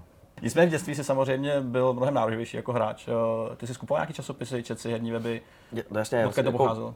Tak já když jsem začal, tak třeba ještě úplně internet nebyl tak rozšířený, takže jsem samozřejmě score, level, Ex- Excalibur ještě tenkrát. A přes kamarády, no. Byl tady nějaký takový ty, eh, protože spousta samozřejmě lidí, jako my v našem mladém věku si oblíbila, oblíbila určitý autory, byl takový jako oblíbený. Mm. Uh, sledoval jsi taky takhle tohle optikou, že máš nějakého člověka, jakýho sleduješ, který tě baví, jak píše, o čem píše, nebo to bylo prostě opravdu jenom, že tě zajímají hry a chtěl si vidět to nejnovější. No, úplně jsem neměl nějakého vyloženého autora, kterýho bych jako sledoval. Eh, Jako třeba nějaký, spíš nějaký série, jako Command mm-hmm. Conquer třeba, že to vždycky jsem hrál ten nový díl, nebo když takhle vyšlo něco, jako co jsem měl rád, tak jsem to koukal. Ono, ono totiž by si někoho mohlo napadnout, a třeba jako špatně, nebo mně se to tak jako nabídlo, že ty časopisy herní v těch 90. letech to byla tak jako specifická subkultura, měli i nějaký jako vlastní jazyk, nebo Mhm. mm-hmm. určitý termíny, že jo, a v- převážně v těch prvních že jo, letech, kdy tady byli populární autoři, na který možná i Petr narážel, jako byl Andrew nebo Jo, jasně, Ice, tak jako tohle. myslíš jako tak, vyloženě jako jazyk těch... Jasně, tak ty měli jako- určitě jako jakoby tvůrců, specifický víš? styl, Jasně, že ne, jo. myslím, myslím Jo, lidi takhle. právě přesně, který píšou. Jo. A že možná, jestli právě i tenhle ten styl tě do určitý míry neinspiroval, že, jo? že tehdy byl prostě jako Jo. i v kurzu v těch Jasně. časopisech, třeba dejme tomu v dopisech, ale někdy i v těch Jo, jo, jo. recenzích takový ten humor prostě sjíždím na struhadle do bazénu Jasně, s jasně, jodem a jasně. podobně, Jo. jakože Uh, určitě se na tohle teďka vzpomínám, když to říkáš, ale asi nebylo to, že bych si nějak vyloženě z toho čerpal, já jsem, ale jako ten černý humor jako bral třeba nevím, z časopisu Sorry nebo prostě z český Sorry, co tenkrát běželo, takže tohle mě spíš ovlivnilo, než to pak jako konkrétně v těch časopisech. Okay, pustíme se teda ještě do těch tvých dalších aktivit, jestli můžeme, aspoň v krátkosti, aby jsme se nepovídali jenom o hrách, to by byla určitě škoda. Mhm. Eh, Chystáš něco právě i na poli filmu, nebo nějakých krátkých filmů a videoklipů, nebo něčeho podobného? Povídej. Eh, Točil jsem teďka nový film v létě, eh, jmenuje se to Party Hard. Je to taková teenagerovská komedie, která se jako dost brutálním způsobem zvrhne. Takže vlastně Eh, není komedie. No jako vychází to opravdu z klišovitýho, z klišovitý teenage komedie, Mhm, což mhm. vlastně je žánr, který tady proběh kdysi a už nějak se tomu moc nikdo nevěnoval. Což mi přijde škoda, protože to je jako krásný žánr. Mhm. A eh, já jsem to dal docela rychle dohromady, já jsem to dopsal někdy kolem, kolem března a vlastně už, už v létě se natáčelo, takže to bylo Mhm. takový, to jako rychle postupovalo, což, což myslím, že je dobrý, že to, ještě to byl ten zápal jako tý- toho vývoje. Momentálně je to natočený, bude se to za chvilku stříhat a počítám někde na jaře, že by to šlo ven. Mhm, Mm-hmm. O to mít co já nevím, 40 minut, že to bude zase takový jako středně, středně dlouhý film. A vlastně už jsem to točil s větším štábem, takže trošku to bude vypadat jako, mm, jako, jako hezčej než ty, Okay. než ty předchozí projekty, ale jako, což samozřejmě k té teenage komedii patří, aby to bylo Mhm. takový jako hezky barevný a to. Ale jako, bude to strašlivý. Tak byl samozřejmě ten, ten, ten rozdíl že jo, mezi, uh, mezi těma filmama, který se točil předtím, Mhm. mm-hmm. což byl vlastně že natáčení vás na severu, a těma třeba novýma videoklipama pro řezníka. Tak to jsou technicky dost takové Mhm. jiné věci. Mhm. Uh, je to záměr? No, jestli je to daný tím jasně, prostředím, no, tak- nebo jestli chci prostě mít naopak samozřejmě vycizelovaný krásný klip. A k tomu samozřejmě dost hrubě natočený uh, gore movie ze severních Čech. Uh, je to na schvál? Tak ono, já bych ještě jenom teda připomněl, že vlastně Život není krásný film, že to je vlastně první český film podle počítačové hry, což je docela jako důležitý Jsou určitý jako podstatný rekordy, který by stál za to určitě vypíchnout. Tady vlastně jsou od jednoho autora ještě. Jo, jo, jo. Kde jsou teďka lidi z agentury Dobrý den, člověk potřebuje?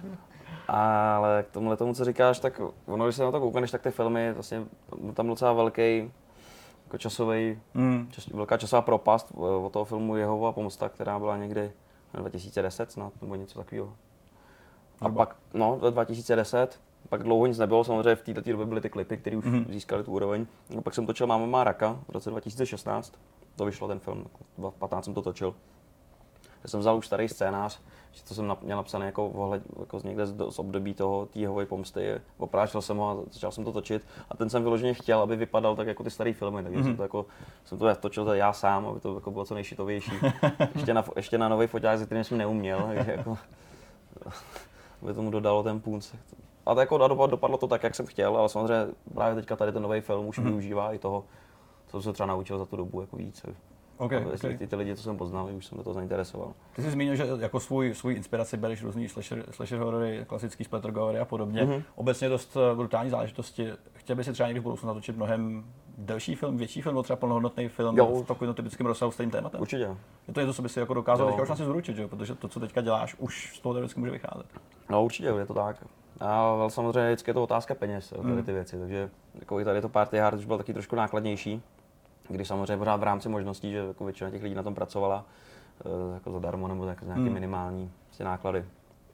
Ale samozřejmě, kdyby člověk chtěl udělat takovýhle film jako velký, hodně hodinu a půl, tak už to nákladnější, už to jako úplně by jsem nechtěl sam, samotným do toho investovat, Hmm. což jsem teďka udělal, protože jsem, mi často stane, že když domluvám třeba nějakou lokaci, tak ty lidi jako jo, jo, jasně, a pak prostě na poslední chvíli si řeknou, že prostě by s tím pak mohli být někdy spojovaný nebo popotahovaný, Jasně. protože samozřejmě ta moje osoba jako... Určitý riziko je. Určitý riziko tam je, třeba můj táta s tím měl problémy v práci, což jako mi bohužel odmítnul roli do toho nového filmu, tak jako jsem ho zase chtěl Jsi vlastně obsa, obsazoval tátu do svých rolí. pravda? tátu, takže to mě třeba jako fakt mrzelo, že se takhle jako se zachovali třeba v té škole, již samozřejmě ho tam popotahovali kvůli filmu, který natočil ještě předtím, než vůbec tam začal Než učit. se nebo- pracoval. Hmm. To bylo takový. To mi vlastně docela nahráváš, protože já jsem se tě stejně chtěl zeptat, tyhle ty tvý současné aktivity na poli filmu a hudby, vyvolává to teda pořád jako nějaký jako kontroverze, pnutí, anebo máš pocit jako, že lehce, na základě toho, co říkáš, a z druhé strany už to trochu utichlo. Protože já si pamatuju, že Hmm. největší to, to šílenství bylo v- okolo toho Slavíka, Jasně. kdy, pokud to říkám správně, tak eh, pořadatelé ti vlastně odmítli tu cenu předat, na protest potom nějaký další hudebníci, kteří tě chtěli Mhm. podpořit, tu cenu odmítli nebo vraceli, což byl Tomáš Klus, Michal David, Tam ještě pár dalších lidí figurovalo. někdo z Monkey Business, pokud se nepletu. Jak je to teďka, jako byste u tvojí přijetím, dejme tomu, společností nebo fanouškama? Jo, tak jako myslím, že ten první šok už jako opad. že samozřejmě teďka už to tak lidi berou, to, že když něco udělám, že je to takový, jako, že to není vlastně myšlení třeba doopravdy, Hmm. že už se se to trošku obrousilo to prostředí, Možná to že na že- to ty lidi zvykli. Lidi jsou teďka zvyklí na drsnější věci třeba z politiky nebo to, takže už je prostě No, kultura jako tak jasně, no. Ale jako vždycky si myslím, že si tam dokážu ještě vymyslet něco, co jako zase je překvapí. Co, jo, co nečekali. Je to vlastně součást nějakého i plánu no, ty lidi čas od času překvapovat a v tvém případě to znamená jako je šokovat? Je, Mhm. je to prostě něco, na co sázíš? Jo, jo. A i mě to baví to, jako to vymýšlet takhle. jako samozřejmě je, je, pravda, že už teďka ta společnost je někde jinde, že už ty lidi jsou ot- otrlejší a jako už jen tak něco je nerozhází. Jako, no. Hmm, hmm. A měl jsi někdy pocit, že si třeba v této tý snaze šokovat zašel příliš daleko? Já nenarážím na nic konkrétního, protože nic ani nenapadá v této souvislosti, ale spíš, že si řekl, jo, tohle možná jako byl extrém, anebo ten extrém nevnímáš, protože když je to jako nechci říkat jako pro potřebu umění, ale když je to v rámci jako nějaký snahy o nějaký umělecký vyjádření, tak ty ne- nemáš hranici, ne v tom smyslu, že bys jako ji necítil obecně, ale pro tu umění Hmm. si ji nestanovuješ. no, nestanovuju. Nestanovuješ. Cokoliv je možný. Krásná hláška z Assassin's Creed. Jako pokud, to, pokud by to vyloženě někomu jako reálně, jako že by to třeba někoho zranilo, jako ta tvorba, nebo jako něco takhle se stalo, nebo že bychom v rámci natáčení prostě do někoho chtěli nežít autem, nebo já nevím, něco prostě podřezávat srny, nebo prostě to, tak jako to úplně jako, třeba to je tam možná ta hranice. Jako Takže ne, to, ne jako fyzicky ranit, ale možná jako, Jako citově ano, to- psychická to- újma tady tolerovatelná. to jako to vyžadoval. Ty, ty vlastně spoustu těch věcí, co děláš, vyvážíš i do zahraničí. Uh, jak, se, jak se vlastně, pokud se nepozor, jsme v hudbě, tak uh, jak se třeba tváří na to, co děláš právě v cizině? Dokážeš nějak poměřit třeba, kde reagují lidi jinde a u nás? To tak asi je tak, jako v- třeba v té Americe, tam jsou na tom mnohem zvyklejší na tohleto, jako, Mhm. mm-hmm. Buď v rámci té hudby, nebo v, rámci filmu, ty, který já tam samozřejmě, jako, ty tam neexportuju, ale jako když si zmiňoval různý ty slashery a takhle, tak tam prostě jsou v té kultuře mnohem uvolněnější a Mhm. jako samozřejmě tam je mnohem větší publikum, takže tam tyhle ty věci můžou vznikat a jako zaplatí se, prostě ty lidi prostě na to pak Mhm. jdou, nebo nějakým způsobem se to dá, dá tam tvořit. No. To, to, což tady u nás eh, jako třeba na poli filmů vznikají prostě v podstatě jako stejné filmy, Mhm. Jako pořád dokola, nic není tady nic zajímavého nebo nic žánrového pořádně. Mhm. Když člověk takhle chodí z kůží na trh, což chodí vlastně kdykoliv, kdy něco tvoří a dává to jako v šanc lidem a ty to nějakým způsobem hodnotí, dotýká se tě z druhé strany třeba nějak to, jak to lidi hodnotí, anebo to je něco, co si člověk ani nemůže připouštět, když s tou svojí tvorbou chce jít na dřeň. No tak jako většinou se člověk by si to neměl připouštět, já třeba na ty reakce koukám a někdy se z toho člověk může něco vzít, jako určitě to není jako, že by prostě bych všechny poslal do prdele, jako budu to dělat tak, jak Mhm. chci, ale jako samozřejmě někdy nějaký ty připomínky jsou věci, jo. Jsou i reálně použitelný pro to, co děláš. Jo, jo. Martine, předtím, než ještě eh, se posuneme na závěr, tady něco, co jsme třeba nezmínili z toho, co děláš a co by si chystal, co by si plánoval eh, z těch dalších věcí. Víme tady o filmu, hudba určitě Hmm. jede dál. Eh, Je tady ještě něco třeba z frku, co by si zmínil? Nebo na něco upoutal právě diváky? Jo, já myslím, že jsme to tak nějak probrali. Asi to jako- víceméně všechno poslední, co se bude Jako odehrávat. frky, frky vlastně jsou venku tři knížky, tak ty jsou, ty jsou pořád prodej, teďka bude dotisk té dvojky, která už není, Mhm. takže lidem, co, kterým to chybí, si to můžou doplnit do série, do sbírky a jako knížka, jestli bude čtyřka někdy asi jo, ale už teďka ty frky nelezou, tak Bohužel, rychle, jak trvá. Trošku trvá. No. Ale myslím, že jsme všechno pro, projeli jinak. Super, super. Martine, díky moc krát. Ty tady ještě třeba něco, Jirko, co jsem Ne, ne, vynechal? já jsem chtěl poděkovat, takže Tak já vynechal teda si jenom poděkování Já za děkuji za Jirku a děkujeme samozřejmě oba dva. To příjemný pokec asi s někým, kdo je považovaný za král českého undergroundu do jistý míry. Minimálně co se týká hudby. To jsme, to, Tak to prostě je. Petr to prostě říká. Já to takže prostě jako říkám, ty, takže ty musíš se to jedině akceptovat. A co ta kuřba, co jste slibovali? Já to asi neprojde. Hele, až se vypnou kamery, tak se můžeme domluvit na tom na filmu. Hele, Martin, díky ještě jednou a my teďka půjdeme na závěr jako vždycky. Tak. Máme za sebou rozhovor s Martym, další, eh, další takový střípek do skládačky našich zajímavých hostí. Přesně tak. No a teď už se můžeme přesunout eh, do eh, závěru. Já bych ještě, než se do toho pustíme, protože už mám takovou volnou zábavu, Jasně. vlastně chtěl jako promluvit k jednomu z našich diváků, teď už i čtenářů, který psal, že jako jestli bychom třeba nechtěli někdy jenom to jako streamovat a dělat srandu a, a že mu to jako chybí a takové věci. Ale já si fakt myslím, Tohle je ten prostor. že jako to je ten prostor tady, Hmm. že jako tady je takový jako Tady je to víc než ideální. A ono i na druhou stranu, my jsme někdy mimo to natáčení až tak uvolněný, že by to mohlo být pro někoho docela nesnesitelný, protože To ta hranice mezi no. tím, jako, že je to legrace a, a, a směje se tomu každý a každý je dost teda jako taky uh, Přesně. individuální, ale a z druhé strany, když to jako přeťápneš a už je to vlastně jako trapnej ten humor, protože každá, každá nějaká sociální skupina má svůj vlastní humor a to, co bychom my mohli považovat za vtipný, byste Urážení všech sociálních skupin. Takže považovat za já bych to fakt, fakt jako nechal tady a nejhorší je, že já jsem tady naplnil něčeho bublinkatýho a nahoru mi jde jako krkání, takže snad já doufám, že, Že to tady jako South Park zvládnu. humor. to, by, to, to- by, to bychom to skutečně No. odbrzdili. Takže, uh, Jirko, vzhledem k tomu, že uh, ty zatím jsi nedostal nějak dneska moc prostoru, Jo, dostal, Eh, pohodě, no. tak uh, je to tvoje. No já jsem si říkal, že v posledních vidcastech jsme se hodně bavili o hrách, logicky, on je to, To tak jako celkem převážně herní pořad. To je Ale že jsme, jakoby, že jsme jako hodně utlačili tu kulturu a že jsme Dobře. se tolik nebavili o těch filmech Dobře. nebo nějaký alternativní jiný zábavě, kterou vyznáváme, že to v podstatě vypadalo skoro jako když neděláme nic jiného, než hrajeme hry. Um, tak jsem tak jako zalovil, přesně, oh bože. A tak jsem jako zalovil v paměti a taky v archivu svých eh, sledování pro poslední týdny, což mimochodem je docela vtipný, že teďka díky těm streamovacím službám, jako je právě třeba HBO Go, že když si nemůžeš vzpomenout, nebo vzpomenout že jsi něco jako viděl nebo sledoval, takže se můžeš podívat na ty rozkoukaný Hmm. nebo nedávno To je nebo, ale... ne, tak to je docela Dost. dobrý jako na osvěžení paměti, protože ne vždycky na mě něco udělá takový dojem, ať už dobrý nebo špatný, abych to zvětšnil třeba někde na sociální síti. No a já jsem jako byl dost na vážkách, o čem mluvím, jsem viděl nějaký nový filmy, které byly třeba některý dobrý, některý špatný.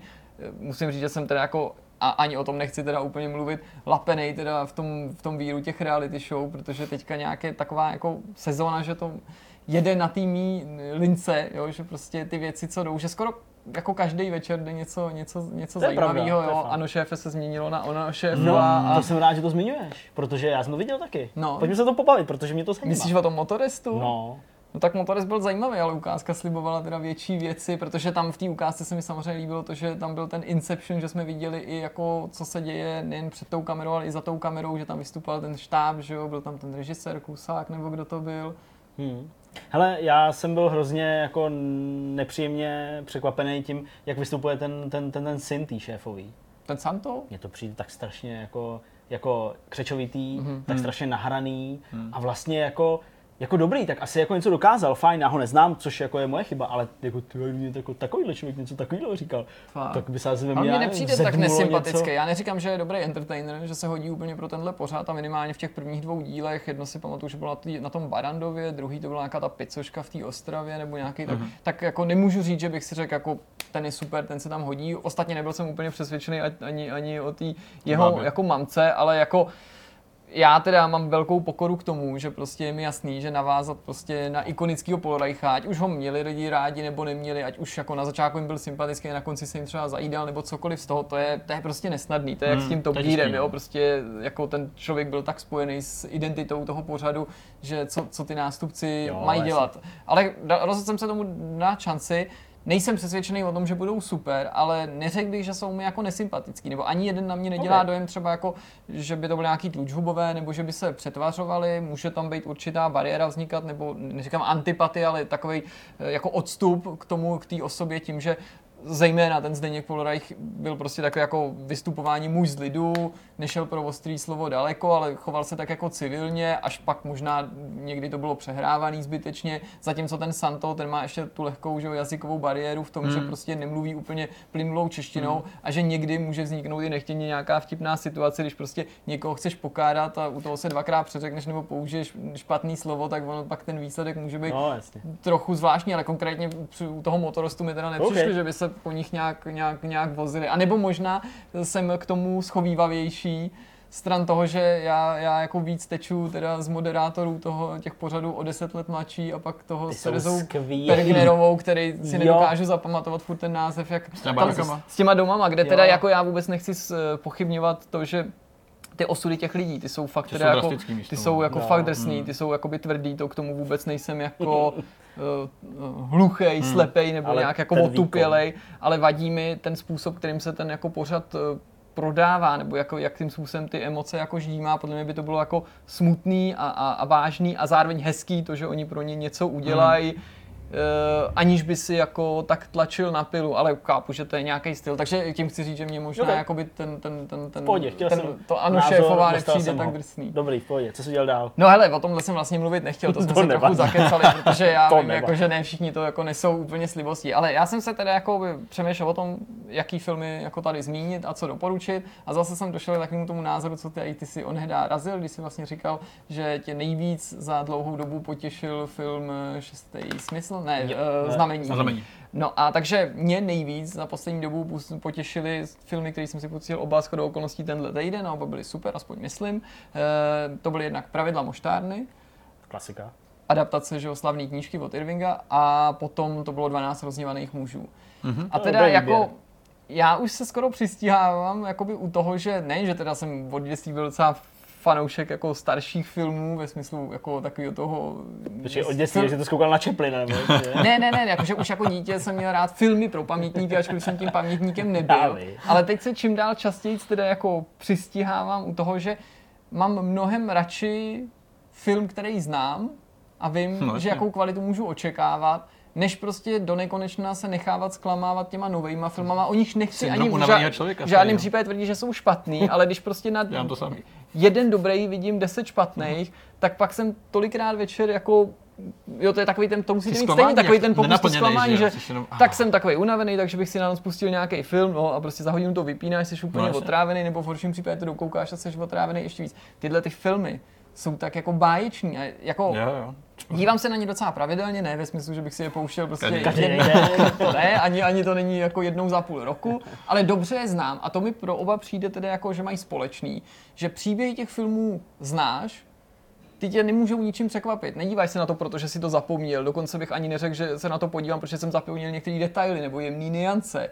A v obou těch případech bych řekl, že příběh je jako tím klíčovým prvkem. Jednak ten příběh je vynikající, ten scénář je vynikající, ale současně ta, to, to překvapení, rozuzlení nebo ty zvraty jsou určitě natolik zásadní, aby to bylo jako, no, abych o tom prohlásil, to je to, proč to ve své době uspělo, nebo proč se mi to líbilo na poprvé. no. Přesto to jsou oba filmy prostě, to, to je prostě herecký koncert, že mě baví sledovat, ačkoliv vím, o čem ty postavy budou mluvit, nebo dokonce v některých momentech bych je možná dokázal citovat. A jako musím teda říct aspoň v krátkosti, že pokud eh, jste jeden z těch filmů neviděli, tak jako velká škoda a určitě byste to měli napravit. Ty pravidla moštárny jsou prostě úžasný, nádherně natočený. Vždycky, když je sleduju, tak přemýšlím o tom, že eh, režie tohohle filmu byla jako první nabídnuta Janu Svěrákovi, který ji odmít, což je pro mě jako nepochopitelný, jako ne selhání, ale jako nepochopitelná chyba. Hmm. Takových filmů, který mu nabídli, prý bylo mnohem víc. On se o tom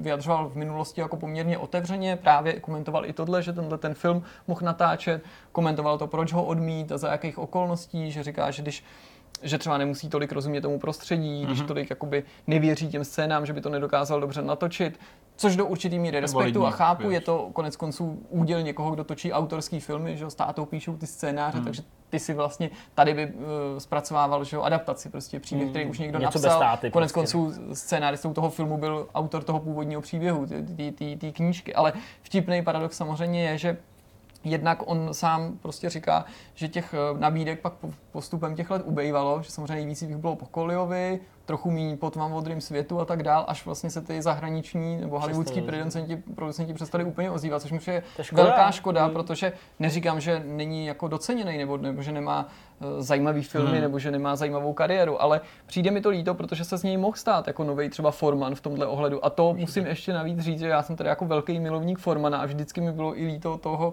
že Forman toho podle mě natočil v, v těch Spojených státech taky mnohem míň, než by mohl, protože třeba si dává víc záležet, nebo jo, protože o tom víc uvažoval, protože mu se mu spousta těch scénářů eh, třeba nemusela líbit a vždycky ho srovnávám s Polanským, který byl mnohem jako aktivnější hmm. a taky se mu dostalo jako většího třeba uznání nebo takového toho celosvětového, i když samozřejmě nechci Teď jako v Polsku. už porovnávat, eh, porovnávat ty. No a na těch pravidlech moštárny, teda kromě hezkých hereckých výkonů prostě Michaela Kejna a to Tobyho McGuire'a mi přijde ještě prostě strašně zábavný stran tohohle příběhu, který jsem tady popisoval o tom Svěrákovi, že nakonec ten film natočil Lasse uh, Holström, což je Švéd, jo, takže on, on to odmítal z toho důvodu, ten Jan Svěrák, že není Američan, že by díláce nerozuměl, že by to nedokázal právě s tou pravdivostí možná těch Formanových i jeho vlastních filmů tak vystihnout jako tu obecnou školu nebo toho Koldu a pak ten uh, Halström vlastně ukázal jako rodilej Švéd, že ten příběh může uchopit i cizinec Hmm. a jestli ne dokonce líp, eh, než by byl, Hmm. dejme tomu, nějaký rodilej mluvčí. No a potom teda těch 12 rozněvaných mužů, já teda nevím, jestli je to vás dvou oblíbený film, nebo... Není. Vy- Slyšel jsem o něm spoustu věcí, ale jsem neměl možnost se k tomu vůbec dostat. Ty jsem neviděl? Ne. Aha. Jedna z těch věcí, které mi doporučuje To každý, udělej. a jak už jsem říkal, když mi to doporučuješ, tak já od toho jdu většinou pryč. Takže Ok. když mi řekneš, že to je špatný film, tak já Je to, na je to nejhorší Já, film. já, jestli se, Sakra, já, jsem jestli se nepletu, tak já myslím, že to je devátý nejlíp hodnocený Jo. film na ČSFD. Podle jsem to mě je to jako, eh, nebudu říkat nejlepší, ale rozhodně jako jeden z nejlepších filmů všech dob. Je Hmm. prostě naprosto úžasný, prostě grandiozní herecký koncert každého toho jednotlivého člověka, toho herce, který tam vystupuje, že jo, v roli těch prostě 12 členů té poroty, který ty u drtivé většiny se dokonce nedozvíš ani jméno, znáš třeba jenom povolání, nebo to vyplyne a přitom krásně čteš ty jejich charaktery, prostě, ať už jsou tam známí herci, mm-hmm. jako je třeba Henry Fonda, otec že Jane Fondový, o který jsme se tady bavili nedávno v souvislosti s Barbarolou a tím dokumentem, eh, nebo prostě Jiří Voskovec, že jo, Mhm. prostě legenda osvobozeného divadla, který emigroval tohle je jeden z jeho podle mě zdaleka nejvýraznějších filmů, který pak po nastartování té nové kariéry za oceánem Hmm. udělal. To je, to je prostě něco úžasného a navíc je, teda existují k němu dva dubbingy. Ten, ten film je z konce 50. let, nevím, 57 mám pocit, a dubbing český z roku 61, ten je teda úplně jako úžasný, ačkoliv jsou ty herci často zvláštně vybraný, že by se dneska takhle neobsazovala, spousta lidem to nesedí, že Filipovský tam dabuje pro, dost proti svý roli, Karel Heger dabuje toho fondu, což je úplně jako bizarní zvláštní, kombinace, no. navíc Heger má ten výrazný hlas, ale to je tak nádherný jako překlad. Já o tom často mluvím v těch dubbingzích, že přesně, že ten dubbing možná, nebo ten překlad možná není tak, tak přesný, není tak jako pinktlich, ale je to tak nádherně zahraný, hmm. jo, je to tak jako ten jazyk. To se navíc k tomu hodí, protože to, že je to dubový dubbing z roku 61, asi já nevím, o tři roky starší než ten film, mladší, pardon, o tři roky, to by, to by bylo dobrý, kdyby ten dubbing byl starší, tak prostě ta dobovost se tam jako na dvakrát obtiskuje, což normálně nemáš, protože spousta těch Ok. eh, starých amerických filmů tady prostě ve své době nešla a dabovala se až někdy třeba v 90. letech nebo dokonce ještě později. Tak to je, to je pro mě jako úplně nádherná podívaná, i když je to jako soudní de- drama s nějakým detektivním přesahem a ty znáš i to vyústění tu zápletku, protože to je jako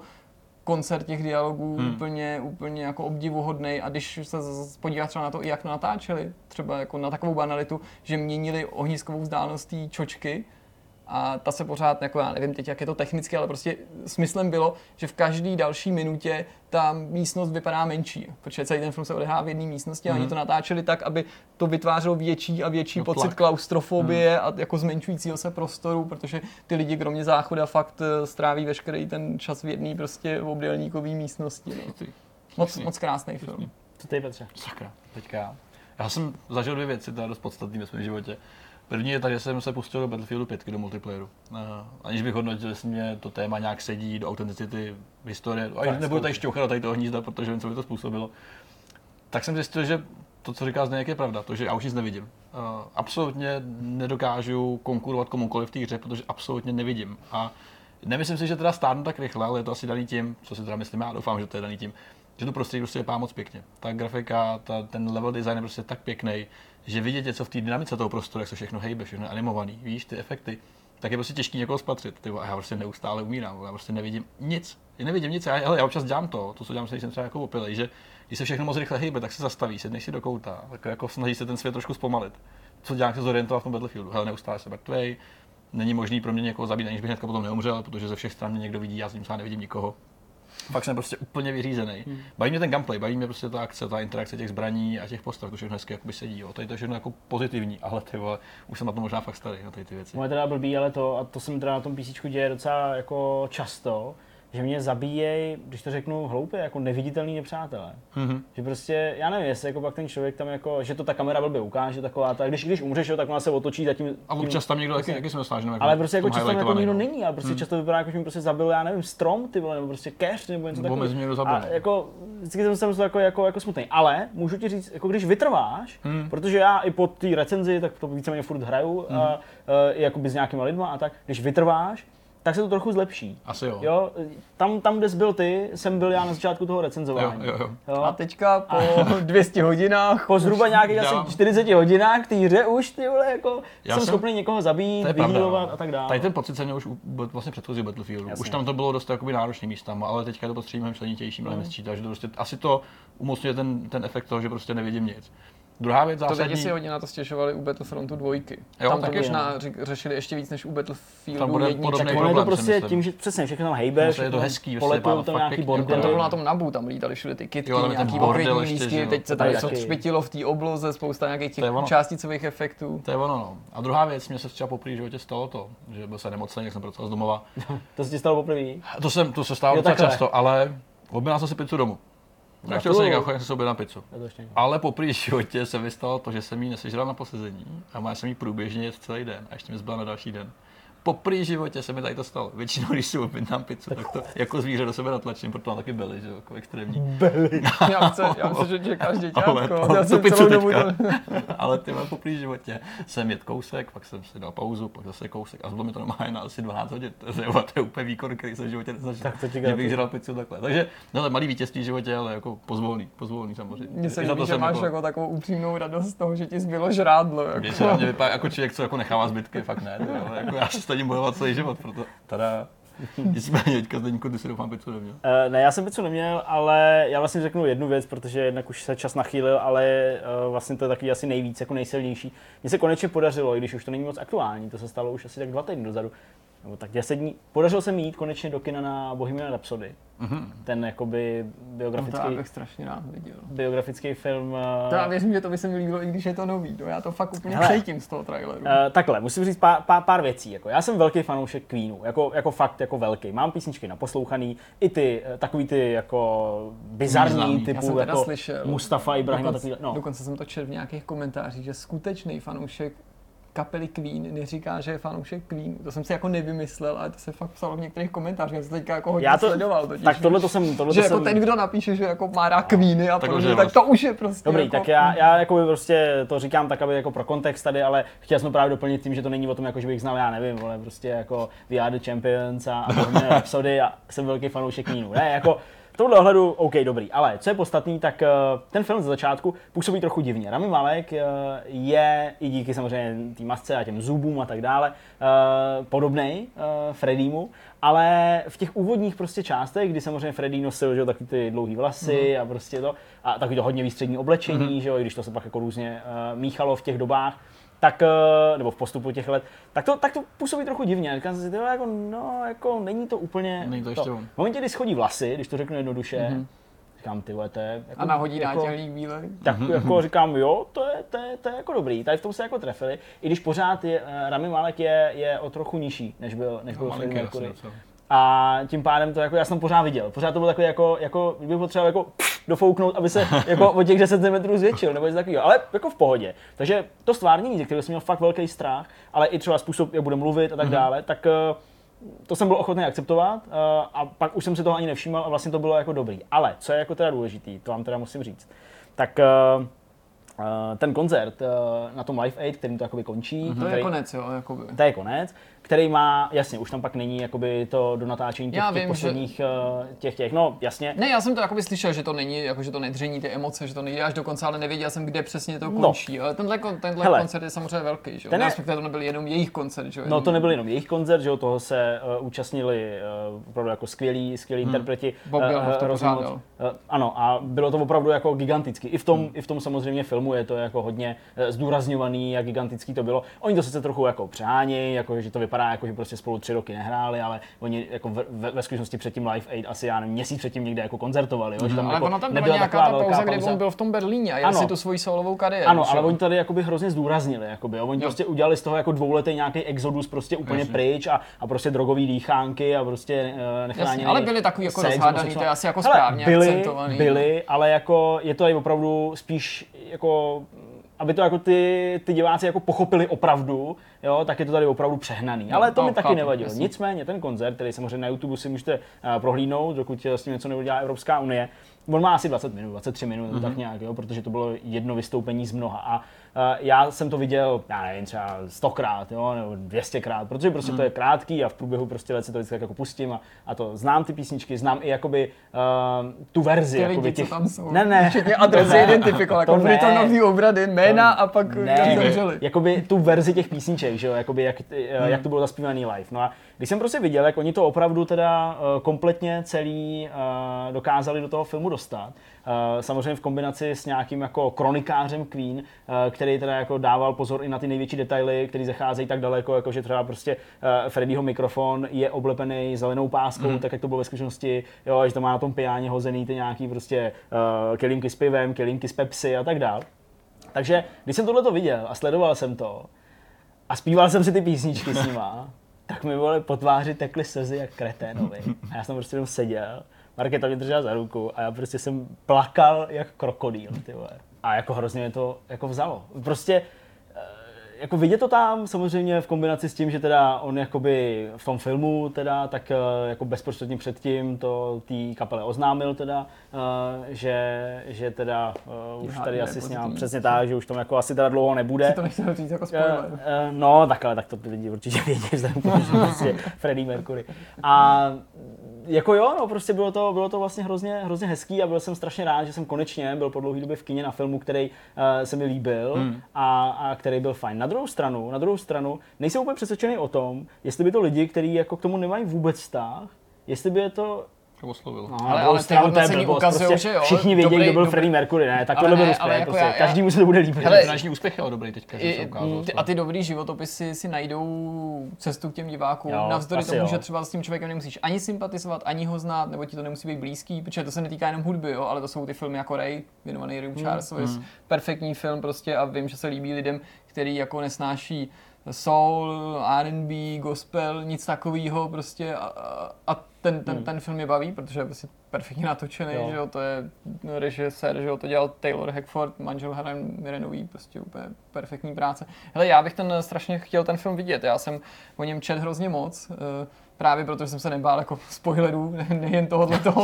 zásadního, ale protože mě prostě zajímalo ty dojmy těch lidí a chtěl jsem to jako nasát, protože jsem věděl, že se do toho kina jen tak nedostanu a nevím, kdy se mi poštěstí ho vidět. Doufám, že to nebude až v momentě, kdy se to dostane právě na nějaký ty streamovací služby, protože to bych se ještě chvíli načekal.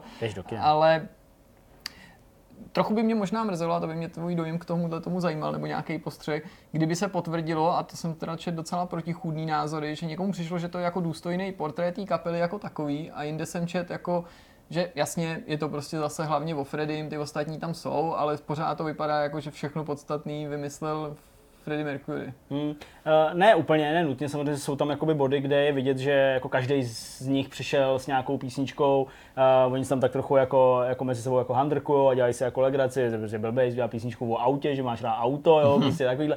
Takže jako tam je to trochu akcentovaný, jo, že opravdu uh, ty písničky vznikaly jakožto nějaká kolektivní práce, a nebo lomeno uh, tím, že opravdu někdo z nich přišel a jako skutečně to byla jeho, jeho písnička, kterou pak vlastně celá ta kapela pro něj zahrála a, a byla to, to tam je, to tam jako je, ale jako ten film je o Freddie Mercury. Mm, jo, ten, ten film není prostě nějakou biografií Queenu, vůbec. Mm. Jo? Takže v tomhle ohledu bych asi chápal, že prostě lidi, kteří jako očekávali, že to bude něco jako, já nevím, jako objektivnějšího nebo mm. prostě uh, ucelenějšího, tak se toho nedočkají. Mm. Jo? Ne, ono je to jako ne. pochopitelný, že vždycky to píšeš o někom, nebo někdo je ten vypravěč hlavní, že se tomu asi nejde ubránit, protože srovnám to s filmem, který asi drtivá většina našich diváků znát nebude, možná ani tu kapelu The Temptations, což je R&B kapela kapela soulová ze 60. let z Detroitu, z Motownu, labelu, prostě stejný label, jako vydával Martin de Vandela, Supremes, Marvina Gaye a tak dál.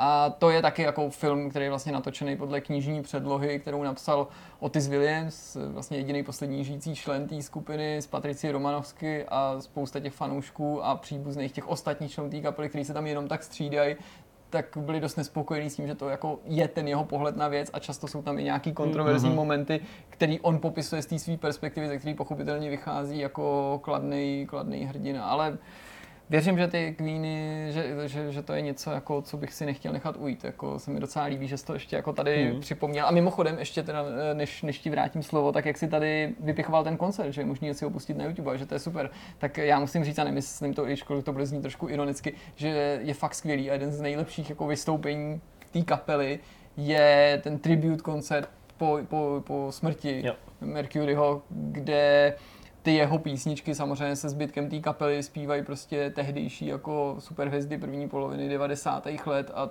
prostě jsou tam jako strašně silný vystoupení, jako Annie Lennoxová tam společně s Davidem, Davidem Bowiem mm-hmm. zpívají, že jo, a samozřejmě skvělý. Elton John a George Michael a často i zpěváci nebo interpreti, který já sám nemusím, ale ten, ta, ta interpretace nebo prostě ty cover verze jsou strašně zajímavé. Poslední věc, kterou jsem chtěl říct, a teď jsem zase vykouřil z hlavy a vzpomenu si na to možná Uh, nespomenu. nespomenu. Ne, ty jsi mluvil uh, o té kapele, ty jo, a vím, že to bylo dobrý. Už vím, poslední no. věc, kterou jsem chtěl říct eh, ještě k tomu filmu. Uh, já jsem si zpětně pak nezjišťoval, kdo ty další uh, členy té kapely hrál, ale jako když jsem viděl jako Briana Maye, toho filmového, tedy kytaristu, že to s těma vlasama, tak jsem říkal, hm, kde ho vzali? Hmm. Ten člověk je úplně stejný, hmm. ale úplně stejný, jako, jako úplně jedna jedný, to prostě hmm. nechápu. Ten člověk je úplně stejný. Fakt, jako samozřejmě to nějaký drobný rozdíly, ale jako hrozně malinkatý. Mm. Jako je, je, fakt to se jim velmi povedlo. Celkově to obsazení je vlastně docela dost dobrý. Jo. Mimochodem takový pocit jsem měl, ale bohužel to bude taková historka polovičatá u životopisného filmu, který je věnovaný strašně slavnému ruskému písničkáři, jehož jméno se mi totálně vykouřil z hlavy, že byl slavný v 60. 70. letech. No, ruský písničkář prostě, byl, byl známý i tady, nebo je to Vysocký? jako... Ale to je básník, jako, jako básník, no. Jo. Jo, hmm. OK. Hm. No, jasně.